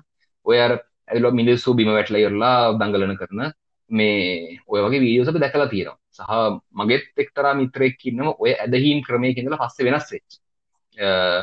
එහෙම ඒ යාට ගෙදරින් හම්බෙච්ච මේ බෑග්ග්‍රවුන්ඩ් එකත් එක්ක. ඒ ගෙදර බෑග්ග්‍රවුන්ඩ් එකත් එක්ක තමයි අය වගේ දෙයකට නමුත් පසු කාලීනව යාට තේරුණා මේ වැඩේ හරියන්නේ නැහැ කියලා. ඉතින් කොහොමයි ඉතින්? සමාජය හරි විවිධයි. එකපාර වෙනස් කරන්න බැහැ පොඩ්ඩ පොඩ්ඩ අර තැනින් තැන ස්පාක් කරලා කොහොමරි මිනිස්සුන්ට සුබවාදී වෙනසක් ඇති කරන්න පුළුවන් එක තමයි වටින්නේ. මම හිතන්නේ නිර්මාණයක් ඔස්සේ සිද්ධ වෙන්න ඕන කලා නිර්මාණයක් ඔස්සේ සිද්ධ වෙන්න සිද්ධ වෙන්න අවශ්‍ය සමාජ පිබිදීම කියන කාරණේ ට්‍රාන්ස් එක තුළ ඉහට තුලින් සිද්ධ වෙලා තියෙනවා. ඒක නිසා මම මේ ෆිල්ම් එකට පට්ට කැමතියි. අනිවාර්යයෙන්ම අනිවාර්යයෙන් මේක හරි. මේ එතකොට දැන් අන්තිමට දැන් අපි දැන් අයියේ විනා ඔව් පැයක් පැයකටත් වඩා වැඩි වෙලාවක් අපි දෙන්න මේ කතා බහ කළා නවත්තන්න හිතෙන්නේ නැහැ පට්ට රහ කතා බහක්. ඉතින් මේ අපි දැන් ගොඩක් මං හිතන්නේ මේ ට්‍රාන්ස් ඇතුළ සීමා වෙන්නේ නැතුව අපිට කතා කරන්න පුළුවන් ලිමිට් එකේ උපරිමයටම ගියා මං හිතන්නේ මේ කතා බහ. මේ දැන් මේ අන්තිම වෙලාවේදී මං අයියට කිව්වොත් ට්‍රාන්ස් ගැන ඕවරෝල් ට්‍රාන්ස් ෆිල්ම් එක ගත්තාම නිකන් මොන වගේද ෆීල් උනේ කියන දේ වාක්‍යකින් දෙකකින් කියන්න පුළුවන් නම් අයියා මොන වගේ නිර්වචනයක්ද ට්‍රාන්ස් ෆිල්ම් එකට දෙන්නේ? ඕවරෝල් මම මේකට කිව්වොත් එහෙම මේක අයි ඕපනින් වැඩක්. ඒ කියන්නේ මේක කවුරුගේ මනුස්සයෙක්ට මේ වගේ ඇදහිම් ක්‍රමවල ඉන්න මනුස්සයට පෙන්නුවොත් එයාට ඇත්තන එයා ඇගේ දැනස පෑදෙන වැඩක්. එකන එක කුපිතවීමට වඩා මනුසේ කේන්තියනන්න පුළුවන්. අපිට ඇත්ත කියතිපට රිදෙන වැඩි ඒකත් එකන කේන්තියන්නේ ඒක වුණට මම හිතන ඔයම ඔය සම්බන්ධය නිකං එක මොනොහරි ඔය සම්බන්ධව කේන්තිගත් මනුස්සේට ඔය ඇදහිලි ක්‍රමවත් එක්ක ඉන්න. නමුත් මට හිතන එයා පොඩ්ඩක් තනියම පොඩ්ඩ හිතන්න ගනීවි. කවුරුත් නැති වෙලාවක. නිකම් මේ වගේ නිකං අපි හිතමු රෑ වෙලාවක වගේ තනියමින්න වෙලාවක වගේ. මං අරිස්සල කිව්ව වගේ තම නාන වෙලාක වෙන්න පුළුවන් ශවරකට එන්න වෙලාවක වෙන්න පුළුවන්. එතකොට කල්පනා කරයි මේකේ මොකක් හරි දෙයක් තියෙනවා නේද කියලා. ඒ මනුස්ස රිදෙන්න කරපු ඒ කොනිත්තපු වැඩක්. නිසා මං හිතනවා මේක අයි ඕපනින් වැඩක්. ට්‍රාන්ස් කියලා කියන්නේ අයි ඕපනින් වැඩක්. මිනිසුන්ගේ දෑස පාදන වැඩක්. මිනිස්සුන්ට ඒදේ හොඳට ඒත්තු ගන්න වැඩක්. ඒකන මේ කතා ඇතුළම කියන මෙතර මනුස්සෙක්ගේ දියුණුවට අවශ්‍ය දේ අර එයාගේ අදගෙන කලප් කරන්න වගේ ගහගෙන ගහගෙන ගහගෙන සෙල් කොන්ෆිඩන්ස එක හදාගන්න විදිහ මේක පෙන්න්නේ එයාගේ මේ මුළු වැඩේටම යන්න කලින්. එයා උදේට එලියට බහින්න කලින් මනුස්සක සෙල්ෆ් කොන්ෆිඩන්ස් හදාගන්න දඟලන එකක් තියෙනවානේ. අර පොඩි රුටීන් එකක්. ඒ ඒ මනුස්සයට තියෙන ඒ බිලීෆ් එකම පොඩ්ඩක් එක ස්ටෙප් එකක් දෙකක් ඉස්සරහට ගෙනිච්චොත් අපිට මේ දේ කරගන්න පුළුවන්. මම විශ්වාස කරන්නේ ඒකයි. කියන්නේ තම ඕ හැම දෙයක්ම තමන්ගේ හිතනේ තියෙන්නේ. තමන්ගේ තමන්ගේ හිත තමයි හැම දෙයකටම. මොන දේ කරත් අපි ඕන් තරම් හිත නිසා මේ තමන්ගේ හිත හයිය කරන් ජීවිත දිනපු මිනිස්සු ඕන් තරම් අපි දකිනවනේ. හැමතරම හිත තියෙන අපි බයවුණොත් බයවුණොත් ඒ බය වුණා තමයි.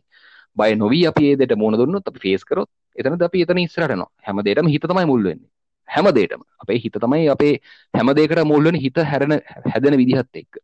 ඒක නිසා මම හිතන්නේ මේ ට්‍රාන්ස් එක ඇතුලේ මිනිස්සුන්ට දෙන්න ඕන අපි මොකද්ද කළ යුත්තේ කියන උත්තරය අර ඒ සීන් එක ඇතුලේ තිබුණා. මෙයා ඉස්සෙල්ලම ස්ටේජ් ෆ්‍රයිට් එක කියන එක එයාට තියෙනවානේ. අර අර ඉස්සෙල්ලම සෙට් එක ඉස්සරහට කියලා කතා කරන්නේ කොහොමද කියලා මාස 6ක ට්‍රේනින් එකට පස්සේ. ඉස්සෙල්ලම එයාගේ අර 1500ක් එකතු වෙච්ච මේ ඒ දේව මෙහෙට ඉස්සෙල්ලාම යනකොට එයා කරන්නේ කන්නඩි ඉස්සරහ ඉඳලා අර එයා හැමදාම කරන හොඳ උස්මක් අරගන්නවා. හොඳ උස්මක් අය පල්ලෙහාට දානවා. අර ලිෆ්ට් එක හිර වෙච්ච ක්ලොස්ට්‍රොෆෝබික් අරයාගේ කා පස්සේ එන කාස්ටිං ඒජන්ට් එයාත් හිර වුණාම මොකද ගන්න ඉස්සෙල්ලා හොඳ උස්මක් අරගන්න. ඉස්සෙල්ලා ඒ හුස්ම පල්ලෙහාට දාන්න. ඊට පස්සේ තමන්ට මේ දේ පුළුවන් කියලා හිතන්න. ඒක ඒක ඔය එකන් අපිට මේ කතාවේ මේ සමාජයේ තියෙන එක්තරා පැතිකඩක් අස්සේ තියෙන අප්සෙට් එක පෙනෙන අතරේම මේකට ගන්න ඕන විසඳුමත් මේක තුලේ අර ජෝෂුව කාල්ටන්ගේ විජු ප්‍රසාත්ගේ ඒ හැසිරි විජු ප්‍රසාත්ගේ ඇතනම ජෝෂුව කාල්ටන් නෙවෙයි. විජු ප්‍රසාත්ගේ හැසිරීම ඇතුලේ ඒක පෙන්නවා ඒක තමයි අපිට අවශ්‍ය වෙන්නේ. හොඳ හුස්මක් අරගෙන පොඩ්ඩක් පොඩ්ඩක් එක්තැන් වෙලා හොඳ හුස්මක් කරන් එක්තැන් වෙලා ඉන්න. ඉස්සෙල්ලා බලන්න ඔව් හරි මගේ හුස්ම වැටෙනවා හරි. ඊට පස්සේ මනස නිර්ණය කරගෙන මෙතනින් එහාට මොකද්ද කළ යුත්තේ? ඊට පස්සේ හරි හැම මොන වුණත් මම ඉන්නවා. කවුරු නැත තමන්ට තමන් ඉන්නවනේ. තමන්ට තමන් විශ්වාස නැත්නම් එතනින් එහාට මොකුත්ම කරගන්න බෑ. නිසා කවුරු නැත ප්‍රශ්න මට මං ඉන්න මට මා විශ්වාසයි. එහෙනම් එච්චරයි. මම හිතන්නේ මේ මිනිස්සෙක්ගේ ජීවිතය ඉස්සරහට ගෙනියන්න ඕන උත්තරේ මේක ඇතුලේ ඒ වගේ පොඩි දෙයකින් එක අසර ගාන්ට මේ අන්වර් රෂීඩ් ඔබලා තියෙනවා. අනිවාර්යෙන්ම ඉතින් අද එපිසෝඩ් එකේ අවසාන විනාඩි කීපයට වගේ තමයි අපි මේ කතා කරන්න. ඉතින් අද කතා කළේ අපි ට්‍රන්ස් ෆිල්ම් එක ගැන ට්‍රන්ස් මලයාලම් ෆිල්ම් එක. අන්වර් රශීඩ්ගේ අධ්‍යක්ෂණයෙන් ෆහත් ෆාසිල් නස්්‍රියා නසීම් දිලිෂ් පොතාන් සහබීන් ශහිර් වගේ මලයාලමේ අති දැවන්ත කාස්ට එක කාස් එකකින් සමන්විත මෑත කාලීනව ලංකාවේ අපි අතරේ පවා ගොඩක් කතා බහට ලක්වුණු මලයාලම් චිත්‍රපටයක්. මාත් එක්ක අද මේ ගැන කතා කරන්න එක තුනේ සමාජ මාධ්‍යජාලය ඇතුළේ බොහොම ක්‍රියාකාරී චරිතයක් වගේම බොහොම කතා බහට ලක් වෙන චරිතයක් වෙන ශනාල් ගුණසේකර. ඉතින් ශනාල් අයියේ එහෙනම් බොහොම ස්තුතියි කියලා කියනවා වැඩේට සෙට් වුණාට සහ මේ කියපු ගම ඇත්තරම් වැඩේට ආවට. ගොඩක් ස්තුති ඇත්තර මේ ෆිල්ම් එක සහ මේ ට්‍රන්ස් ෆිල්ම් එක අපි ඇත්තරම මාර් රහ කතා බහම් මේක. ඉතින් බොහම ස්තුතියි කවිනු. මට මේ අවස්ථාව ලබදුන්නට සා දිගට මේ වැඩේ මේක කරන්න පොඩ්කාස්ටිං කියන්නේ හොඳ නැගීගෙන එන මාධ්‍යයක්. එක ඇතුළේ ඔයගේ සලකුණවා තියල් තිනක හරිම සාධනය කාරණයක්. හොඳක් හොදක් ප්‍රගවශීලි කාරණයක්. ගොඩක් හොඳයි.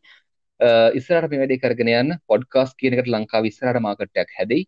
ඒ පොඩ්කාස්ට එක YouTube එකට YouTube එක තවත් YouTube එක නොවේවා කියලා අපි හිතමු. මොකද කියන්නේ අපි අපි දකිනකින්න එක සෝශල් මීඩිය එක පලටෆෝම්ස් ටික ටිකෙන් ටික අර මේ ටිකෙන් ටික සාමාන්‍ය කරන වේගෙන එනකොට විධාකාර පැතිවලට ගිහිල්ල එක තියෙන සාරය අර වටිනා කමරාගම් වගේ තමයි. අපිසල කතාකරපු ආගම් වගේ තමයි එක ඇප්ලයි කරන්න පුළුවන්. සෝශල් මීඩිය ඇතුළ ඒදේ වෙනස් වෙනස් පැතිවලට යනවා. අනවශ්‍ය පැතිවලට යන විදිය දකින්න පුළුවන්. එක YouTube එකටත් ම YouTube එක ඇතුළේ දෙවල් කරන හිද ම දකින YouTube එක එක්තර විදිහකට සිද්ධ අරගෙන තියෙනවා. දැක පේන තියෙනවා. පොඩ්කාස්ටිං කියනද ඉස්රට ඇවිත් තියෙනවා. මිනිසුන්ට ලේසි පොඩ්කාස් කියන මාධ්‍යත්ත කියන්න පිටරට බටහිරටවල්ල ගත්තම අතිශය ජනප්‍රිය මාධ්‍යයක්. ඉන්දියාවත් එහම පොඩ්කාස්ට හොඳ ඉල්ලුමක් තියෙන දැන් ලංකාවෙත් ටිකටික පොඩ්කාස්ට් අහන පොඩ්කාස්ටල්ට ඇහුන්කන් දෙන පරපුරක් හැදීගෙනවා සහහි කල්ටක හැදිගෙනවා හොඳ ඒක තුළේ විධකාර හැඩතලයන් හැදින එක. ඉතිං අපි ඉස්සරහට තව මේගේ වැඩියක් කරමු කවිනු. කවින බොහොම හොඳයි. වා සිනමාවට හොඳ ආදරයක් කැල්මක් කැමැත්තා තියෙන තරුණෙක් එක නිසා ඒදවල් බලන්න. හොඳට සිනමාව අධ්‍යනය කරන්න හොඳට පොතපත කියවන්න සමාජය කියවන්න ලෝකය කියවන්න. තමන් දවස ඇහැරලවෙල තම නින්දට අධික වචනය කර අලුතෙන් ඉගෙනගෙන ඉන්දට යන්න. එක දෙයක් හරි ඉගෙනගෙන නින්දට යන්න. කොට තමයි අපේ